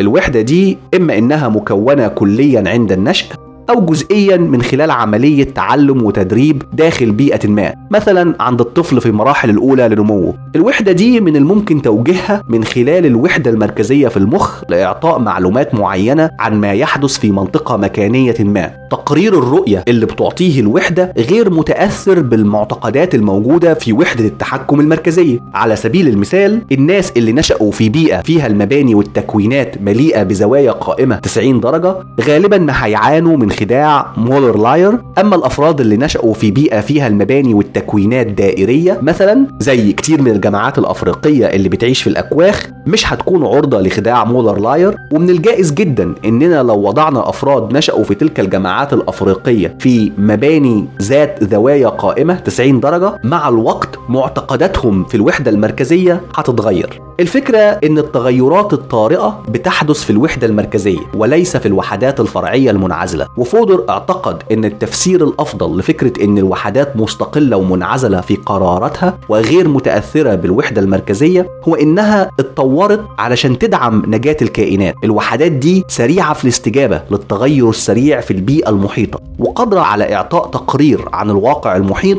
بدون أي تدخل من الوحدة المركزية اللي بتتشكل فيها المعتقدات واللغة اللي بتكون عادة عرضة لكل أشكال النسبية والنظرية اللي قد لا تنطبق على الواقع. وبالتالي قد يؤثر على فرص الكائن في النجاة داخل البيئة المحيطة به. نتيجة فشله في الحصول على صورة حقيقية عن الواقع غير متأثرة بمعتقداته الشخصية. أفكار فودور بتشغل منطقة وسط ما بين بساطة الأفكار التجريبية empiricism اللي بتشوف إن الإدراك هو تلقي غير ذكي للمعلومات والرؤية اللي بتشوف إن وحدات المعالجة الذكية المتطورة بتقوم بتحويل ومعالجة المؤثرات البصرية. ووحدة معالجة الأبصار في مخنا ذكية لأنها بتعالج المعلومات البصرية وبالتالي الرؤية عندنا من الممكن عرضها في عدة صور إلا إن وحدات المعالجة دي ما بتستخدمش النظريات في وحدة المعالجة المركزية لتحديد كيفية عرض المعلومات إزاي ده هينطبق على خداع البطة الأرنب؟ التفسير المبدئي إن معتقداتنا هتأثر على كيفية رؤية الصورة لكن فودر بيجادل إن التفسير الأفضل هو ان التغير في رؤيتنا للصورة ناتج عن تغير نقطة تركيز الرؤية على الصورة. بالتركيز على نقطة معينة في الصورة هنراها كبطة وعلى نقطة أخرى قد نراها كصورة أرنب. حجة فودر هنا بتعتمد بشكل غير مباشر على الأدلة النفسية الأخيرة. إن قدرتنا على تغيير الأوهام على الأقل تفشل عندما نكون قادرين على تغيير نقطة التركيز. تفاصيل فودر مثيرة للجدل لأن الأفراد من الممكن أن تقلل من كثافة الأوهام. لكن فودور فقط محتاج يثبت إن الآليات اللي اقترحها كافية لتفسير إن التجربة والملاحظة غير محملة بالنظرية. النظريات وجهات نظر عامة إلى حد ما عن العالم أو اقتراحات مسبقة لهذه الآراء. لم يتم التعبير عنها ولكنها موجودة بشكل واضح. على سبيل المثال في حالة كوبرنيكوس فودور بيقدم ادعائين الأول إنه لا يوجد دليل على إن نظريته أثرت على التجربة. وثانيا إن الملاحظة للتجارب البشرية بتتوافق مع اقتراحه. لو ركزت على الأفق والقمر في حالة صعود القمر هيبدو وكأنه بيتحرك والأرض ثابتة. بالرغم من إننا عارفين إن الأرض بتتحرك بسرعة كبيرة والقمر ثابت. فودر بيضع جدل قوي على فكرة إن تجربة الفرض اليومية للعالم بتنتج شيء من الممكن أن نطلق عليه عملية رصد أساسي جزئية للتجربة الإدراكية. Basic Observational Fragment of Sense Perception. أساسية في إنها بتقدم أرضية مشتركة للمفكرين لاختبار نظرياتهم لكنها مستقلة عن معتقدات الفرد المحددة ومستقرة من حيث إن كل الملاحظين الطبيعيين للظاهرة هيعطوا تقارير مشابهة عن ملاحظتهم الفيلسوف الكندي المعاصر بول تشيرشلاند في ورقة بحثية بعنوان المرونة الإدراكية والحيادية النظرية Perceptual Plasticity and Theoretical Neutrality نشرها سنة 1988 قدم مجموعة اعتراضات على طرح فودر. وجادل إن الجانب الإحساسي لتجاربنا مجرد اكتشاف للمؤثرات السببية القريبة causal proximal stimuli. لكن محتوى التجربة بالكامل بيتم إنتاجه عن طريق شبكة المعتقدات العقلية. ببساطة دي صورة أقوى في الطرح لفكرة إن التجربة محملة بالنظرية. All observation is theory laden. أهم اعتراضاته كانت النظريات ما بتأثرش بشكل مباشر على الإدراك لكنها بتأثر عبر الزمن. اللي من الممكن إنه يأثر على التجربة التجربة بشكل كبير. الإشكالية في الاعتراض ده إن تشيرشلاند ما قدمش أدلة على إن النظريات هيكون لها تأثير على تجاربنا وملاحظتنا عبر الزمن أو مع مرور الوقت. في حين إن فودر قدم دليل على إن النظريات ليس لها تأثير مباشر على التجارب. ده بالإضافة لإن اعتراضه ضد فكرة المرونة بشكل عام في الإدراك حتى في الحالات اللي من الممكن استقبال الشيء فيها بصورتين مختلفتين مثلا رسم البطة الأرنب. مهما بلغت مرونة الإدراك من غير الممكن إننا نشوف في الرسم صورة الأهرامات مثلا. لو قبلنا طرح تشيرشلاند معناه إن الملاحظ لتجربة ما قادر على تغيير نتائج التجربة طبقا لنظرته ومعتقداته مع مرور وقت كافي. التجارب بتقدم محفزات فقط لكن محتوى التجربة بالكامل محدد بالنظرية المسبقة عند الفرد. الاعتراض الثاني لتشيرشلاند أكثر معقولية اللي جادل فيه إن فودر عاوز يستخدم البيانات الناتجة عن التجربة لاختبار النظريات بطريقة محايدة موضوعية. لكن الإشكالية إن البيانات المقدمة عن طريق التجربة حسب طرح فودر غير متأثرة بالتجربة ولا يوجد سبب كافي للاعتقاد في إن البيانات دي بتعطي صورة حقيقية عن العالم. على سبيل المثال الشمس بتتحرك في علاقة مع الأرض لكن نظرية كوبرنيكس بتقول إن العكس صحيح. ببساطة اعتراض تشيرشلاند هو إن التجربة والملاحظة قد تعطينا بيانات خاطئة في بعض الحالات. المشكلة الأولى في الاعتراض ده هو إن مش معنى إن في بعض الحالات إن التجربة تقودنا في الاتجاه الخاطئ إن دي هتكون النتيجة في كل الحالات. الاعتراض من غير الممكن وضعه في جدلية استقرائية. inductive. زي ما في عدد صغير من الحالات فيها التجربة بتعطي بيانات خاطئة في عدد كبير من الحالات اللي التجربة بتعطي فيها بيانات صحيحة. إذا أصبح عندنا سبب قوي للاعتقاد في إن تجاربنا غير محملة بالنظرية بناء على طرح فودر ده بالإضافة لأن الأمثلة اللي فيها التجربة كانت محملة بالنظرية كانت أمثلة محددة. إذا من غير الممكن استخدام الأمثلة دي لتعميمها على كل التجارب. لكن علشان نكون موضوعيين في طرحنا من الممكن جدا إن أدلة عملية أو تجريبية تكتشف في المستقبل عن طريق علماء النفس تقدم حجة قوية على إن التجربة محملة بالنظرية. ده لأن الدليل اللي قدمه فودر بيعتمد في الأساس على أدلة تجريبية empirical وبالتالي قابل للنفي في حال ظهور أدلة تجريبية جديدة تنفيه كأي نظرية علمية. العلم الزائف pseudo-science. أحد أهم رموز فلسفة العلم في القرن العشرين الفيلسوف النمساوي الإنجليزي كارل بابر جادل إن الخاصية الأساسية والجوهرية في النظرية العلمية هي قابليتها للنفي falsifiable. إننا نقول إن نظرية ما قابلة للنفي مش إننا نقول إنها خاطئة أو منفية لكن إن النظرية بتحدد مجموعة من التوقعات من الممكن اختبارها بالتجربة. لو هذه التوقعات ثبت إنها خاطئة إذا النظرية تم نفيها. إذا قابلية النظرية للنفي قد تكون خاطئة أي أن من غير الممكن اختبارها بالتجربة. بابر اعتقد أن بعض النظريات المفترض إنها علمية لم ينطبق عليها هذا الشرط وبالتالي ما استحقتش أن يطلق عليها علم بالمرة. ومن هنا أطلق عليها علم مزيف pseudo-science. نظرية فرويد للتحليل النفسي psychoanalytic كانت أحد أمثلة بابر المفضلة على العلم المزيف. طبقا لبابر نظرية فرويد من الممكن توفيقها مع أي نتائج تجريبية empirical findings. أيا كانت تصرفات أو سلوكيات المريض أنصار نظرية فرويد هيلاقوا تفسير لها طبقا للنظرية ولن يعترفوا أبدا أن النظرية خاطئة. بابر وضح الفكرة دي بالمثال الآتي. تخيل إن رجل دفع طفل في النهر بهدف قتله ورجل آخر ضحى بحياته من أجل إنقاذ الطفل. نظرية فرويد قادرة على تفسير سلوك الفردين بسهولة. الأول تصرف تحت ظروف القهر والتاني حقق أسمى حالات التضحية البشرية. بابر جادل إن باستخدام أفكار زي القمع repression التسامي sublimation ورغبات اللاوعي unconscious desires. نظرية فرويد من الممكن لها أن تتوافق مع أي بيانات معملية أيا كانت وبالتالي بتصبح النظرية غير قابلة للنفي. نفس الفكرة بابر اعتقد إنها بتنطبق على نظرية كارل ماركس للتاريخ. ماركس ادعى إن في المجتمعات الصناعية حول العالم الرأسمالية هتنهار أمام القدرات الإدراكية الاجتماعية وتنتصر الشيوعية في نهاية المطاف. لكن لما ما حصلش ده في الواقع بدل من الاعتراف بإن نظرية ماركس كانت خاطئة أنصار ماركس بيخترعوا تفسيرات إضافية لتبرير إن ما حدث كان متسق بشكل كبير مع النظرية. على سبيل المثال من الممكن إنهم يقولوا إن التقدم اللي مفيش مفر منه تجاه الشيوعية اتأخر مؤقتا بسبب ظهور دولة الرفاهية the welfare state اللي خففت وأضعفت من البروليتاريا proletariat وأضعفت من حماسها الثوري. وبالطريقة دي نظرية ماركس من الممكن أن تتوافق مع أي مسار محتمل للأحداث بالظبط زي نظرية فرويد. وبالتالي النظريتين ليستا علميتين وفقا لمعايير بابر. لكن بابر ما وقفش عند نقد النظريتين وقارنهم بنظرية النسبية العامة لأينشتاين. على العكس من نظرية فرويد وماركس أينشتاين وضع تنبؤ واضح جدا إن أشعة الضوء من النجوم البعيدة هتنحرف بفعل مجال الجاذبية gravitational field للشمس. عادة ما هيكون من المستحيل ملاحظة التأثير ده باستثناء وقت كسوف الشمس.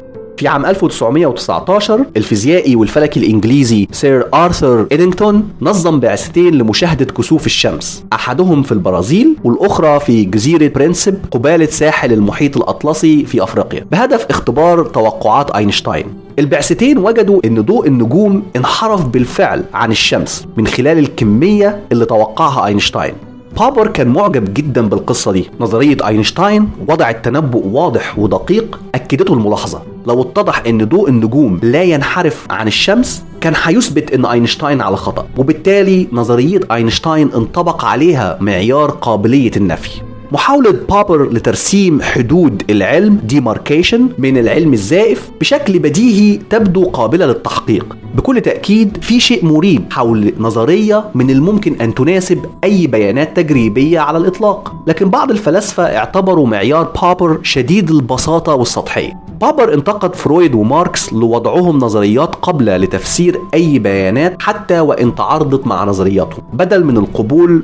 بأن النظريات دي خاطئة. ده أمر مثير للشك. ومع ذلك هناك بعض الأدلة على أن الإجراء ده بالذات بيستخدم بشكل روتيني من قبل العلماء وأدى إلى اكتشافات علمية مهمة. على سبيل المثال نظرية الجاذبية لنيوتن وضعت تنبؤات حول المسارات اللي يجب أن تتبعها الكواكب لما بتدور حول الشمس. في غالب الأمر هذه التنبؤات أكدتها الملاحظة. لكن مدار كوكب أورانوس بشكل ثابت اختلف عن تنبؤات نظرية نيوتن. اللغز ده تم حله سنة 1846 من قبل اثنين من العلماء آدمز في إنجلترا وليفرييه في فرنسا اللي عمل بشكل مستقل. واقترحوا إن هناك كوكب آخر لم يتم اكتشافه بعد بيمارس قوة جاذبية إضافية على أورانوس. آدمز وليفرييه استطاع حساب كتلة وموقع الكوكب ده.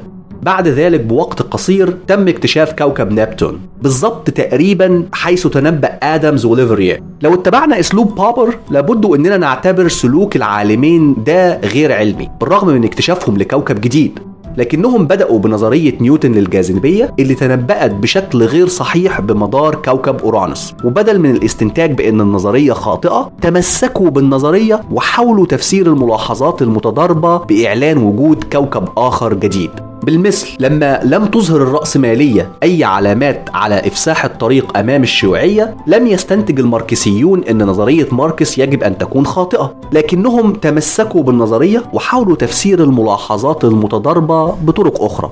وبالتالي من الظلم اذا اتهام الماركسيين بالانخراط في العلم الزائف. لو اعتبرنا إن اللي قدمه آدمز وليفريه علم جيد. الأمر اللي بيشير إلى إن محاولة بابر لترسيم حدود العلم مع العلم الزائف لا يمكن أن تكون صحيحة تماما بالرغم من معقوليتها المبدئية. بشكل عام العلماء لا يتخلوا عن نظرياتهم عندما تتعارض مع البيانات المبدئية الناتجة عن الملاحظة أو التجربة. وعادة ما بيبحثوا عن طرق لإزالة التناقض دون التخلي تماما عن نظرياتهم. هنرجع نناقش نظرية كارل بابر وترسيم حدود العلم ديماركيشن بالتفصيل في حلقات قادمة من السلسلة. ومن المهم الإشارة هنا إلى أن تقريبا كل النظريات العلمية بلا استثناء بتتعارض مع بعض الملاحظات في الطبيعة. التوصل لنظرية بتتناسب مع جميع البيانات المتاحة بشكل متكامل أمر صعب للغاية. لكن بالطبع لو كانت النظرية بتتعارض باستمرار مع المزيد والمزيد من البيانات ولم يتم العثور على طرق معقولة لتفسير التناقض التناقض فيجب رفض النظرية في النهاية.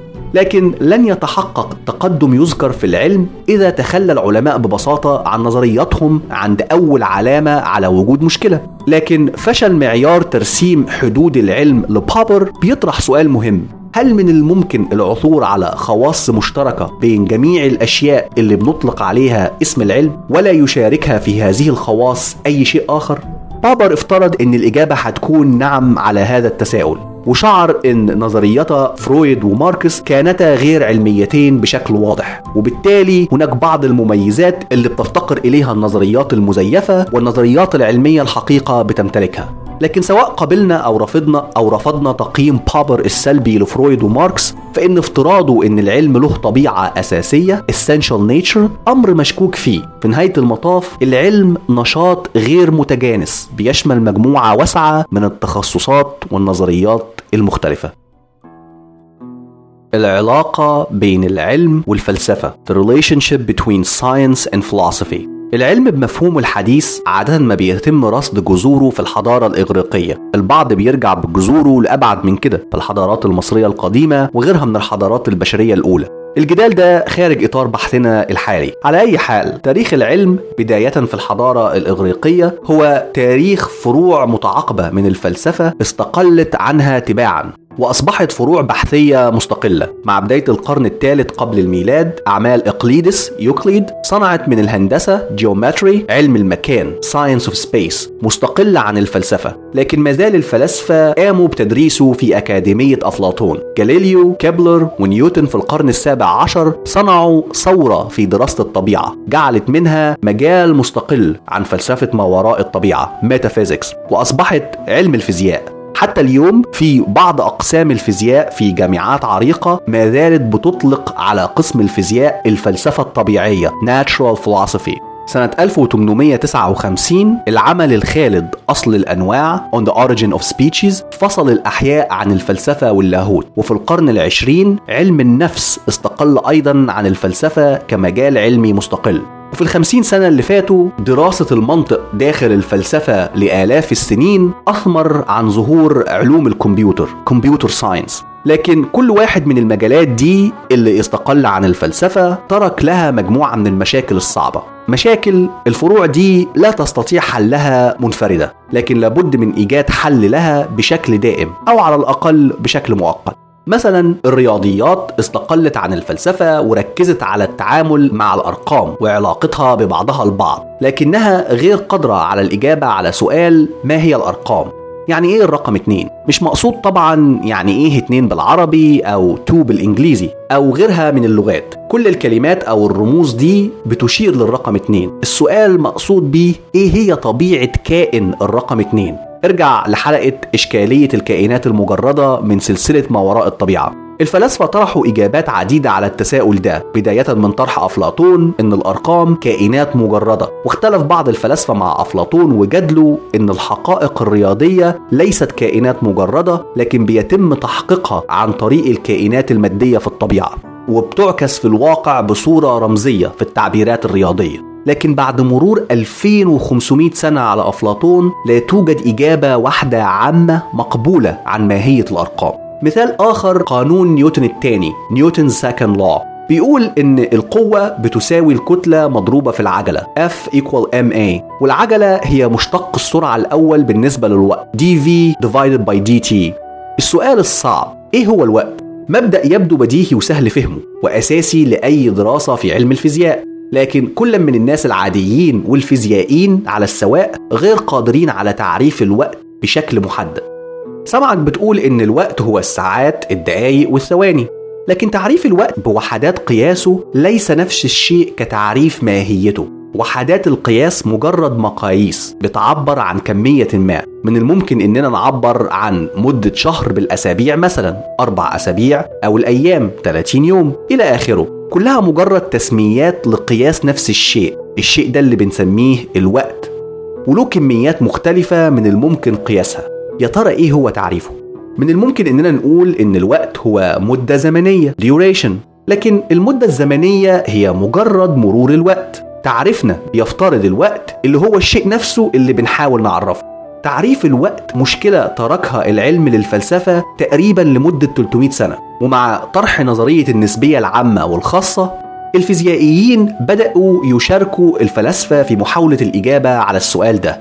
تأملات الفيزيائي ألبرت أينشتاين حول الوقت قادت لنتيجة إن الفترات الزمنية بتختلف حسب الأطر المرجعية أو النقط اللي بتقيسها منها واللي يرجع الفضل الكبير لنظريته فيها للفيلسوف الألماني جوتفريد لايبنتس اللي نقد مفهوم نيوتن للمكان والزمان كحاويتين مستقلتين فيها الأشياء والكائنات بتوجد مستقلة. الأمر ما اختلفش كتير في علم الأحياء. بعد داروين علم الأحياء التطوري evolutionary biology أخذ من الفلسفة إشكالية تحديد طبيعة البشر والهدف والمغزى من الحياة. بعض علماء الأحياء والفلاسفة بيجادلوا إن داروين أظهر إن البشر مختلفة في طبيعتها بشكل طفيف فقط عن الحيوانات ونظرية الانتقاء الطبيعي بتظهر إنه لا يوجد شيء اسمه طبيعة مميزة للبشر أو هدف وغاية من الحياة وبيجادلوا إن أعظم ما حققه داروين هو إظهار إنه لا يوجد شيء اسمه الغاية الهدف أو المعنى من الكون والحياة. وإن دي كلها مجرد صبغات بنعطيها للحياة حتى نستطيع التكيف. وعلشان السبب ده نظرية التطور ما زالت بتقاوم بشدة لأن البعض بيعتقد إنها بتزعم الإجابة على أسئلة كان من المفروض أن تترك للفلسفة أو يمكن حتى الدين. سواء اتفقت أو اختلفت مع طرح نظرية الانتقاء الطبيعي لداروين لا يمكن إنكار التأثير الكبير للنظرية على الفلسفة ودفع مفكريها للتعامل مع سؤال لم يستطع العلم الإجابة عنه. كل العلوم خصوصا الكمية منها بتعتمد بشكل كبير على استقرار الجدل المنطقي والجدليات الاستنتاجية الصحيحة deductively valid arguments. لكن العلم أيضا بيعتمد على الحجج الاستقرائية inductive arguments. اللي بتنتقل من البيانات المنتهية المحدودة للنظريات العامة المجردة. لكن العلماء ما بيحاولوش الإجابة على سؤال لماذا الحجج الاستنتاجية دائما مستقرة وعادة ما بيعتمد عليها في العلم؟ وليه لابد أن نستخدم الحجج الاستقرائية بالرغم من أنها ليست دائما مستقرة؟ الأسئلة دي موضوع دراسة الفلسفة وبالتحديد فرع المنطق. الجولة السريعة دي لتاريخ العلم والمشاكل اللي تركها العلم للفلسفة بتظهر إن الفرعين دائما ما كان وسيظل في علاقة اتصال. أحد الأشكال الرئيسية من الأسئلة اللي بتعامل معاها الفلسفة هي الأسئلة المعيارية normative أو أسئلة القيمة. أسئلة ما يجب أن تكون عليه الأشياء أو ما يجب أن نفعله. ما هو الصواب والخطأ؟ الخير والشر العدل والظلم اللي بتغطيها فروع فلسفة الأخلاق الجمال والسياسة. العلوم بشكل عام وصفية descriptive أو أحيانا بيطلق عليها إيجابية. وبالتالي كتير من أسئلة القيمة في الفلسفة لها سؤال وصفي قريب في العلوم. مثلا علم النفس لماذا بعض الأشخاص بيقوموا بأفعال خيرة في حين أن البعض الآخر بيقوم بأفعال شريرة؟ أو في علم الإنسان أنثروبولوجي بيبحث في مصادر الاختلاف بين الثقافات في مصدر الخير والشر. وعلم السياسة بيبحث في تبعيات السياسات المختلفة على الحرية والعدالة في المجتمعات. وعلم الاقتصاد بيدرس كيفية تعظيم الصالح العام. إلى آخره. بشكل عام العلم لا يعمل على الرؤى المعيارية اللي بنعتقد فيها. دي حتى الآن مهمة الفلسفة. البعض هيتفق إن فعلا في نوع من الأسئلة العلم غير قادر على الإجابة عليها حاليا زي مثلا ماذا حدث قبل الانفجار الأعظم للكون؟ كيف ظهرت الحياة من الجزيئات الغير عضوية؟ وهل الوعي أحد عمليات المخ؟ وغيرها. لكنهم هيجادلوا بإعطاء وقت مصادر عقول وتجارب كافية. كل الأسئلة دي هيتم الإجابة عليها. والأسئلة اللي هتبقى بدون أجوبة في نهاية المطاف هي الأسئلة الغير مهمة. زودو questions. الأفراد المتزنين عقليا لن يشغلوا أنفسهم بيها. وبالتأكيد الكائنات البشرية الفانية زي أنا وإنت مش هتبقى طويلا إلى أن يجيب العلم على كل الأسئلة دي. لكن لا يوجد أي سبب عقلاني يمنع عدم قدرة العلم على الإجابة على كل الأسئلة ذات المغزى. لكن الإدعاء ده محتاج دليل أو حجة داعمة له. مجرد وجود أسئلة زي يعني إيه رقم؟ أو ما هو الوقت في تاريخ البشرية باقية لقرون بدون إجابة؟ دليل كافي إن الأسئلة دي في غاية الأهمية ومن الجائز أن تبقى أبدا بدون إجابة. هل من الممكن إن الأسئلة دي تندرج تحت بند الأسئلة الغير مهمة؟ من الممكن إننا نقبل هذا الإدعاء فقط تحت وجود سبب مقنع وكافي. الإشكالية في طرح حجج على هذه الصورة إنها بتعتمد بشكل أساسي على طبيعة العلم الشيء اللي العلم نفسه لا يطرحه. وثانيا إن النوع ده من الحجج العلم غير قادر على صياغتها بنفسه لأنها حجج فلسفية في جوهرها بتستخدم فرضيات معيارية أو تقييمية. نورماتيف على سبيل المثال حجة إن الأسئلة اللي العلم لن يقدر ابدا على الإجابة عنها هي أسئلة غير مهمة لأنه لا يوجد التزام ما بتحاول تحقيقه قائمة في الأساس على ادعاء معياري. وهو إن في التزامات ما العلم من المفترض أن يجاوب عليها. should answer. وعليه التزام من المفترض أن يحققه. لكن إزاي نحدد إيه اللي العلم المفروض يتعامل معاه أو يجاوب عليه؟ من الممكن إن الإجابة تكون إن العلم لابد إنه يتعامل مع الأمور المتعلقة بالحد الأدنى من المعرفة الممكنة. في الحالة دي مسؤوليات العلم هتنقلب لتحديد طبيعة ومدى المعرفة ودي أمور بتختص بيها فلسفة المعرفة دراسة طبيعة حدود مصادر وتبرير المعرفة. ارجع لسلسلة فلسفة المعرفة وبالتالي تصبح الفلسفة ضرورية للعلم.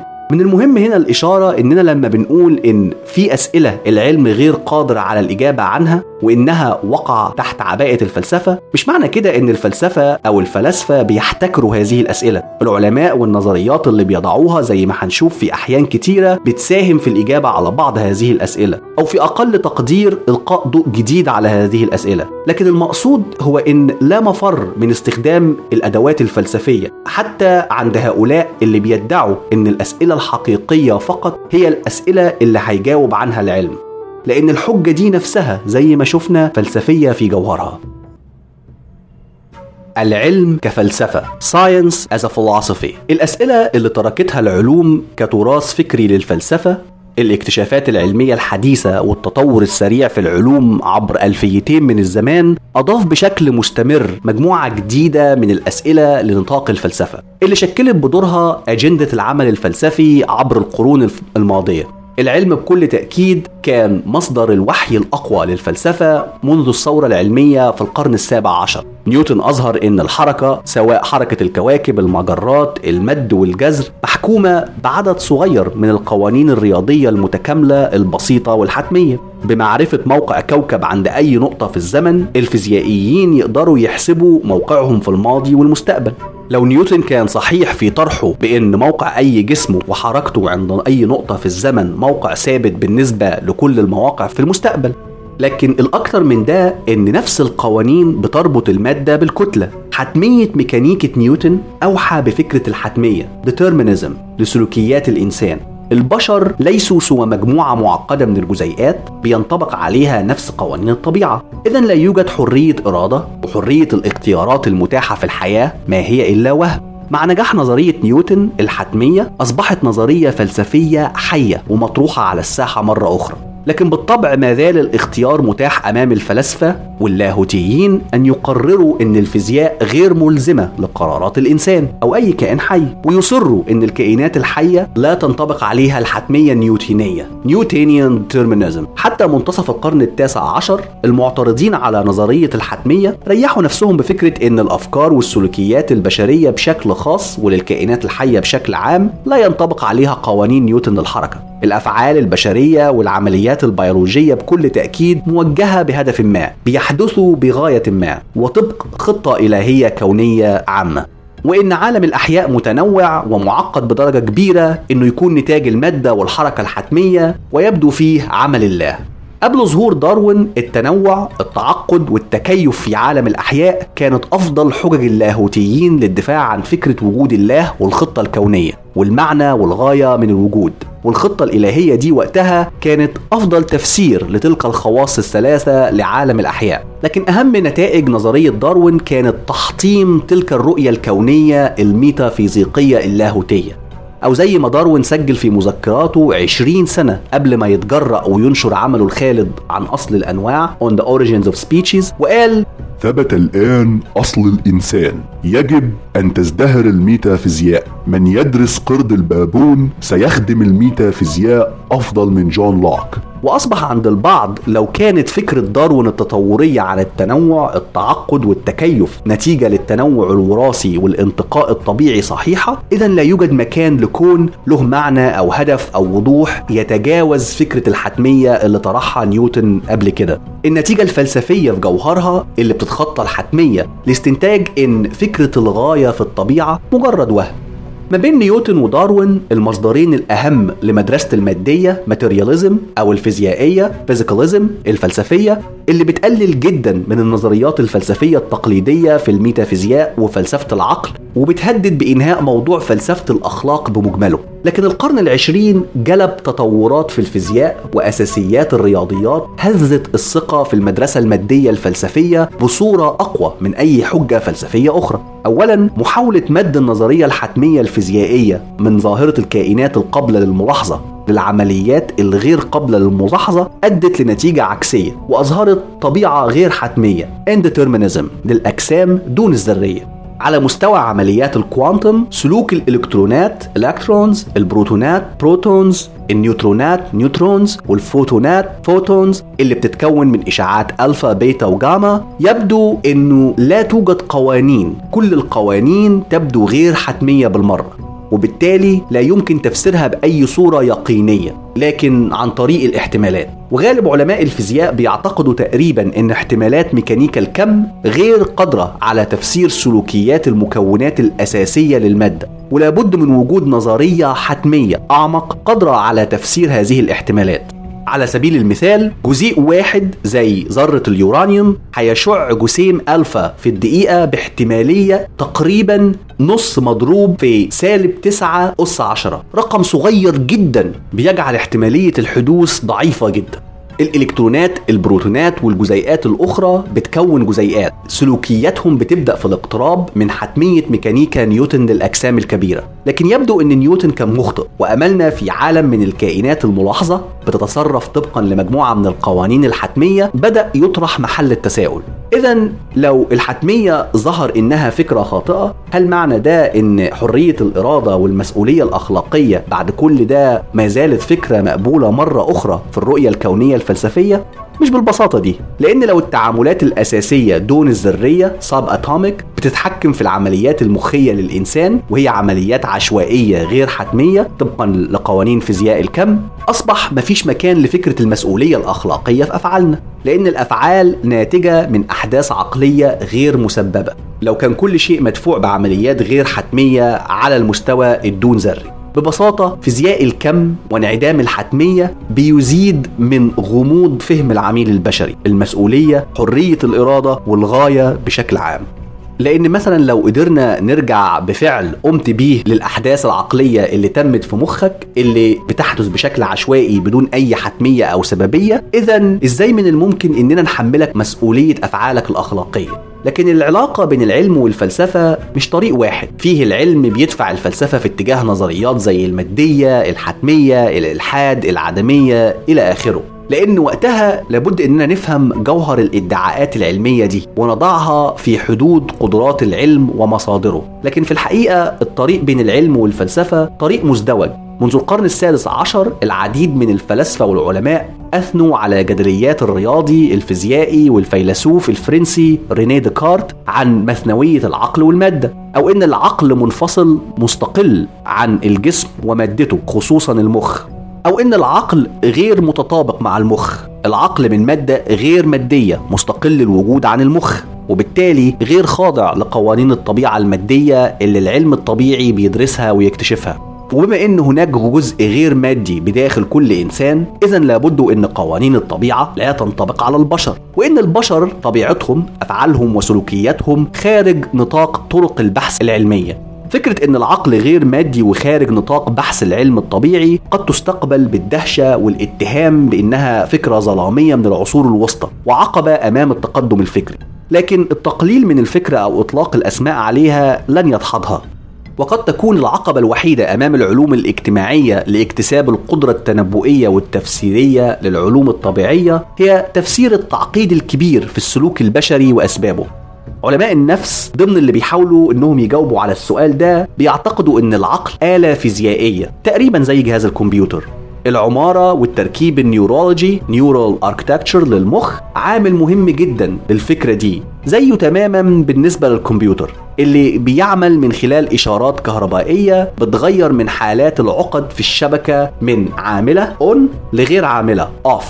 علماء النفس مهتمين بفكرة القدرة البشرية على الإدراك وقدموا عدة نماذج بتعتمد على أنواع مختلفة من تصميمات الكمبيوتر معترفين أن المخ البشري أقوى وأكثر تعقيدا من أي كمبيوتر عملاق سوبر كمبيوتر. وبيستخدموا برامج حاسوبية مختلفة عن برامج الكمبيوتر الحالية. لكن لو المخ كمبيوتر عملاق والعقل هو البرامج العاملة على هذا الكمبيوتر إذا تصميم برامج بتحاكي القدرة الإدراكية حتى ولو بصورة أبسط أو أقل تعقيد من البشر عن طريق برامج الكمبيوتر العادية سيظهر لنا أمور كثيرة عن العقل بملاحظة مخرجات الكمبيوتر بناء على مدخلاته.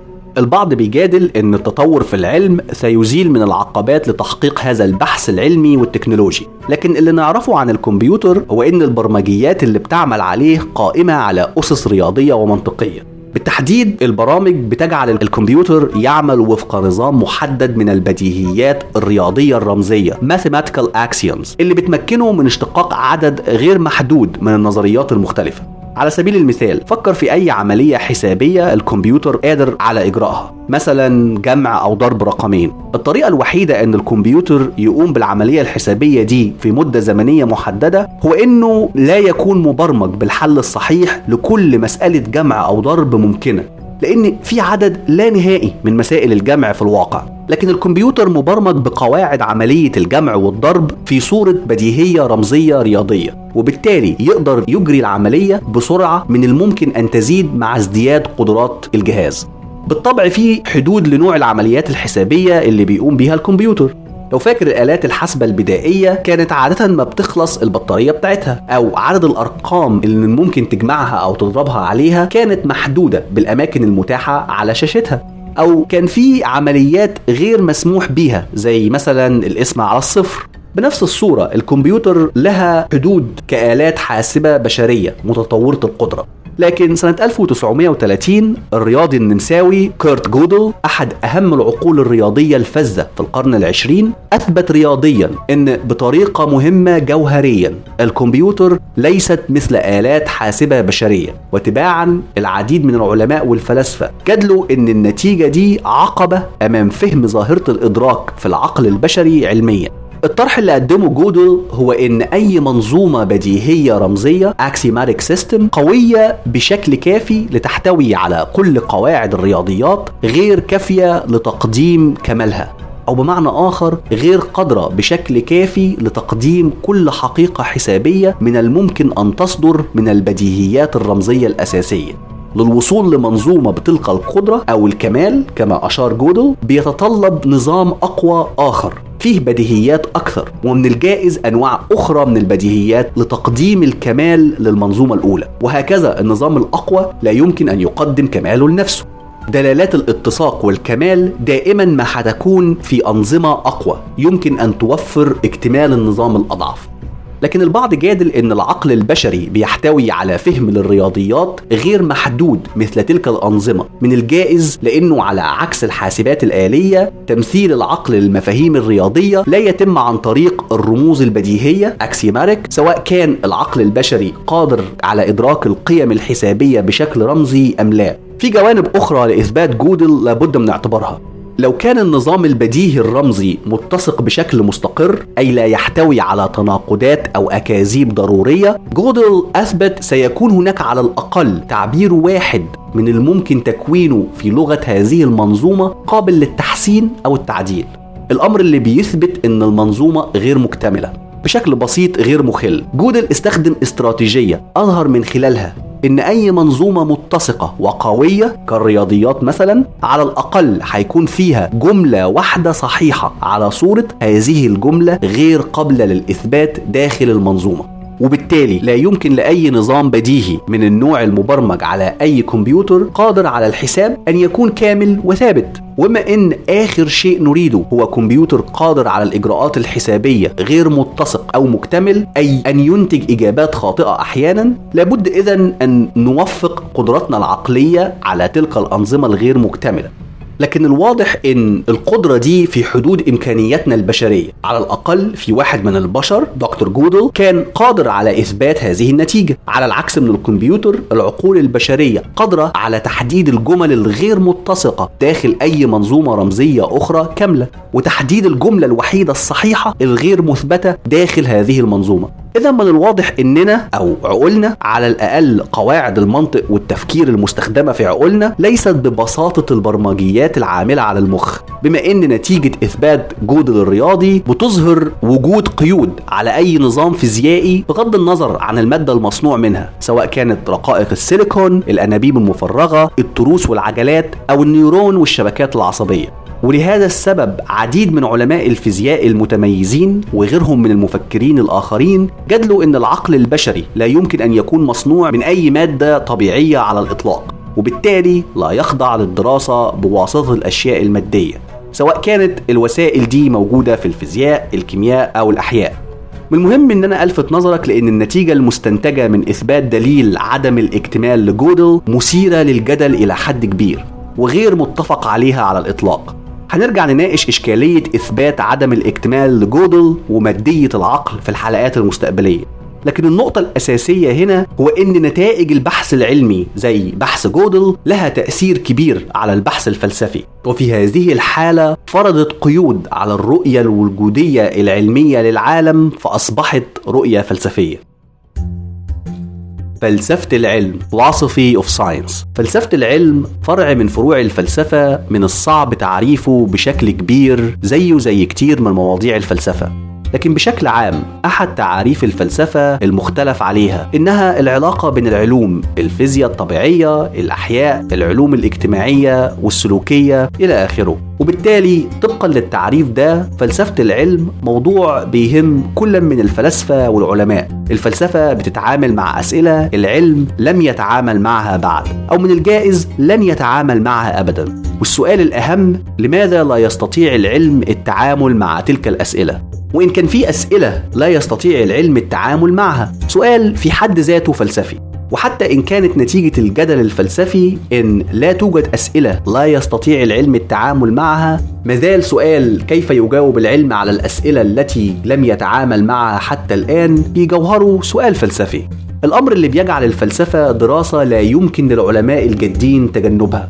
بنظرة عابرة على تاريخ العلم من الإغريق مرورا بداروين نيوتن حتى أينشتاين هنكتشف إن في عدد كبير من الأسئلة ما زالت بدون إجابة بالرغم من التقدم العلمي الكبير. ولو دققنا النظر في التأثير الكبير اللي تركته الاكتشافات العلمية الحديثة في مجال الفيزياء الأحياء علم النفس وغيرها من فروع العلم على الفلسفة هيظهر لنا إن لا غنى للمجالين عن بعضهما البعض وبتصبح مهمة فلسفة العلم الأساسية هي تحليل آليات وطرق عمل العلوم المختلفة. السؤال المهم قد يصبح لماذا تقع مهمة الإجابة على هذا التساؤل على عاتق الفلاسفة بدلا من العلماء؟ سؤال مهم وأحد أهم جوانب الإجابة عليه هو إن الفلسفة مؤهلة بأدوات البحث عن الحقيقة المنطقية والعقلانية اللي بتجعلها الطريقة المثلى للإجابة على هذا التساؤل خصوصا للبحث بعمق في الفرضيات المقبولة بشكل عام عن الممارسات العلمية اللي لا يضعها العامة محل التفكير أو البحث.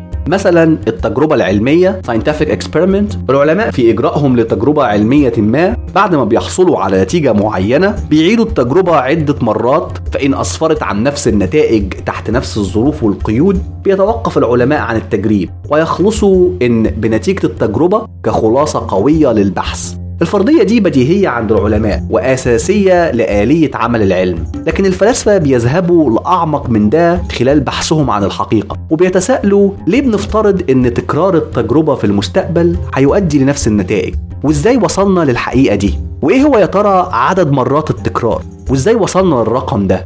وغيرها من الأسئلة. العلماء غير مشغولين بهذه الأسئلة وده أمر طبيعي لأنها أسئلة فلسفية في جوهرها. وبالتالي بيصبح جزء أساسي في مهمة فلسفة العلم هو التدقيق في البديهيات والفرضيات اللي بياخدها العلماء على إنها صحيحة بدون تفكير كتير. لكن بكل تأكيد العلماء بيناقشوا الأسئلة الفلسفية أيضا. زي ما شفنا كتير من العلماء لعبوا أدوار جوهرية في تطور الفلسفة بشكل عام وفلسفة العلم بشكل خاص زي ديكارت نيوتن داروين وأينشتاين. كل منهم كان مهتم بسؤال فلسفي في جوهره وهو كيف يعمل العلم وطرق البحث العلمية وما هي مقدار الثقة اللي من الممكن نضعها في نتائج تلك الطرق. وإن كان هناك حدود للمعرفة العلمية أم لا. إلى آخره. وزي ما هنشوف في الحلقات المستقبلية إن الأسئلة دي ليست فلسفية فقط في جوهرها لكنها أيضا علمية وجذبت عبر التاريخ مجموعة من أفضل العقول العلمية للبحث فيها.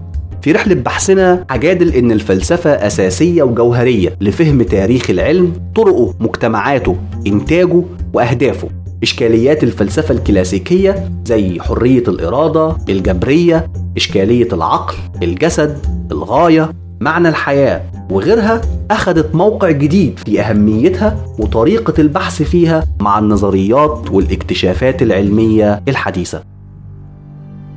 القصة اللي بدأنا بيها مقتبسة عن فيلم الخيال العلمي الأمريكي أنا أسطورة I am a legend. المأخوذ عن رواية بتحمل نفس الاسم نشرها كاتب الرعب الأمريكي المشهور ريتشارد ماثيسون نشرها سنة 1954 والفيلم قام بإخراجه سنة 2007 مخرج الرعب الأمريكي فرانسيس لورنس وقام ببراعة بدور عالم الفيروسات الممثل الأمريكي الأسمر ويل سميث. من خلال قصة الفيلم حاولت ألقي لك الضوء على نموذج للعلماء وصراعهم مع الطبيعة اللي في بعض الوقت بيكونوا هم السبب في إحداث طفرات غير طبيعية في العالم. زي ما شفنا علاج مرض السرطان عن طريق تعديل فيروس الحصبة تحول لوباء قاتل دمر البشرية. لكن مهمة العلم ما زالت البحث عن علاج وفهم أسباب المرض. العالم في مهمة بحثه عن الحقيقة بيتتبع طرق علمية منهجية حتى في أحلك ظروف البشرية السوداء. وانتشار وباء قاتل ومسوخ بشرية في كل مكان بتهدد بقائه إلا إنه بيقوم بتجاربه المعملية على الفئران بحثا عن مصل علاج قبل ما يقوم بتجربها على البشر وبيضحي بحياته في نهاية المطاف من أجل إنقاذ الدواء وفرصة أفضل لبقاء البشرية ودلوقتي فكر في النظريات العلمية اللي درستها خلال حياتك يا ترى إيه الآلية اللي أكسبت النظريات دي صحتها؟ إيه هي طبيعة العلم؟ وهل التجربة والملاحظة محايدة؟ أم محملة بنظرية الملاحظ؟ وإيه يا ترى الحدود الفاصلة بين العلم الحقيقي والمزيف؟ وهل الخط الفاصل بين العلم الحديث والفلسفة أصبح مبهم المعالم؟ فكر تاني في الحلقة الجاية هنكمل رحلة بحثنا في أعماق أفضل أدوات البشرية للبحث عن الحقيقة وهنضع العلم تحت مجهر الفلسفة. عن التجريبية حلقة فيينا الوضعية المنطقية. والتجريبية المنطقية هنتفلسف المرة الجاية. من دلوقتي للحلقة الجاية عيش الحياة بفلسفة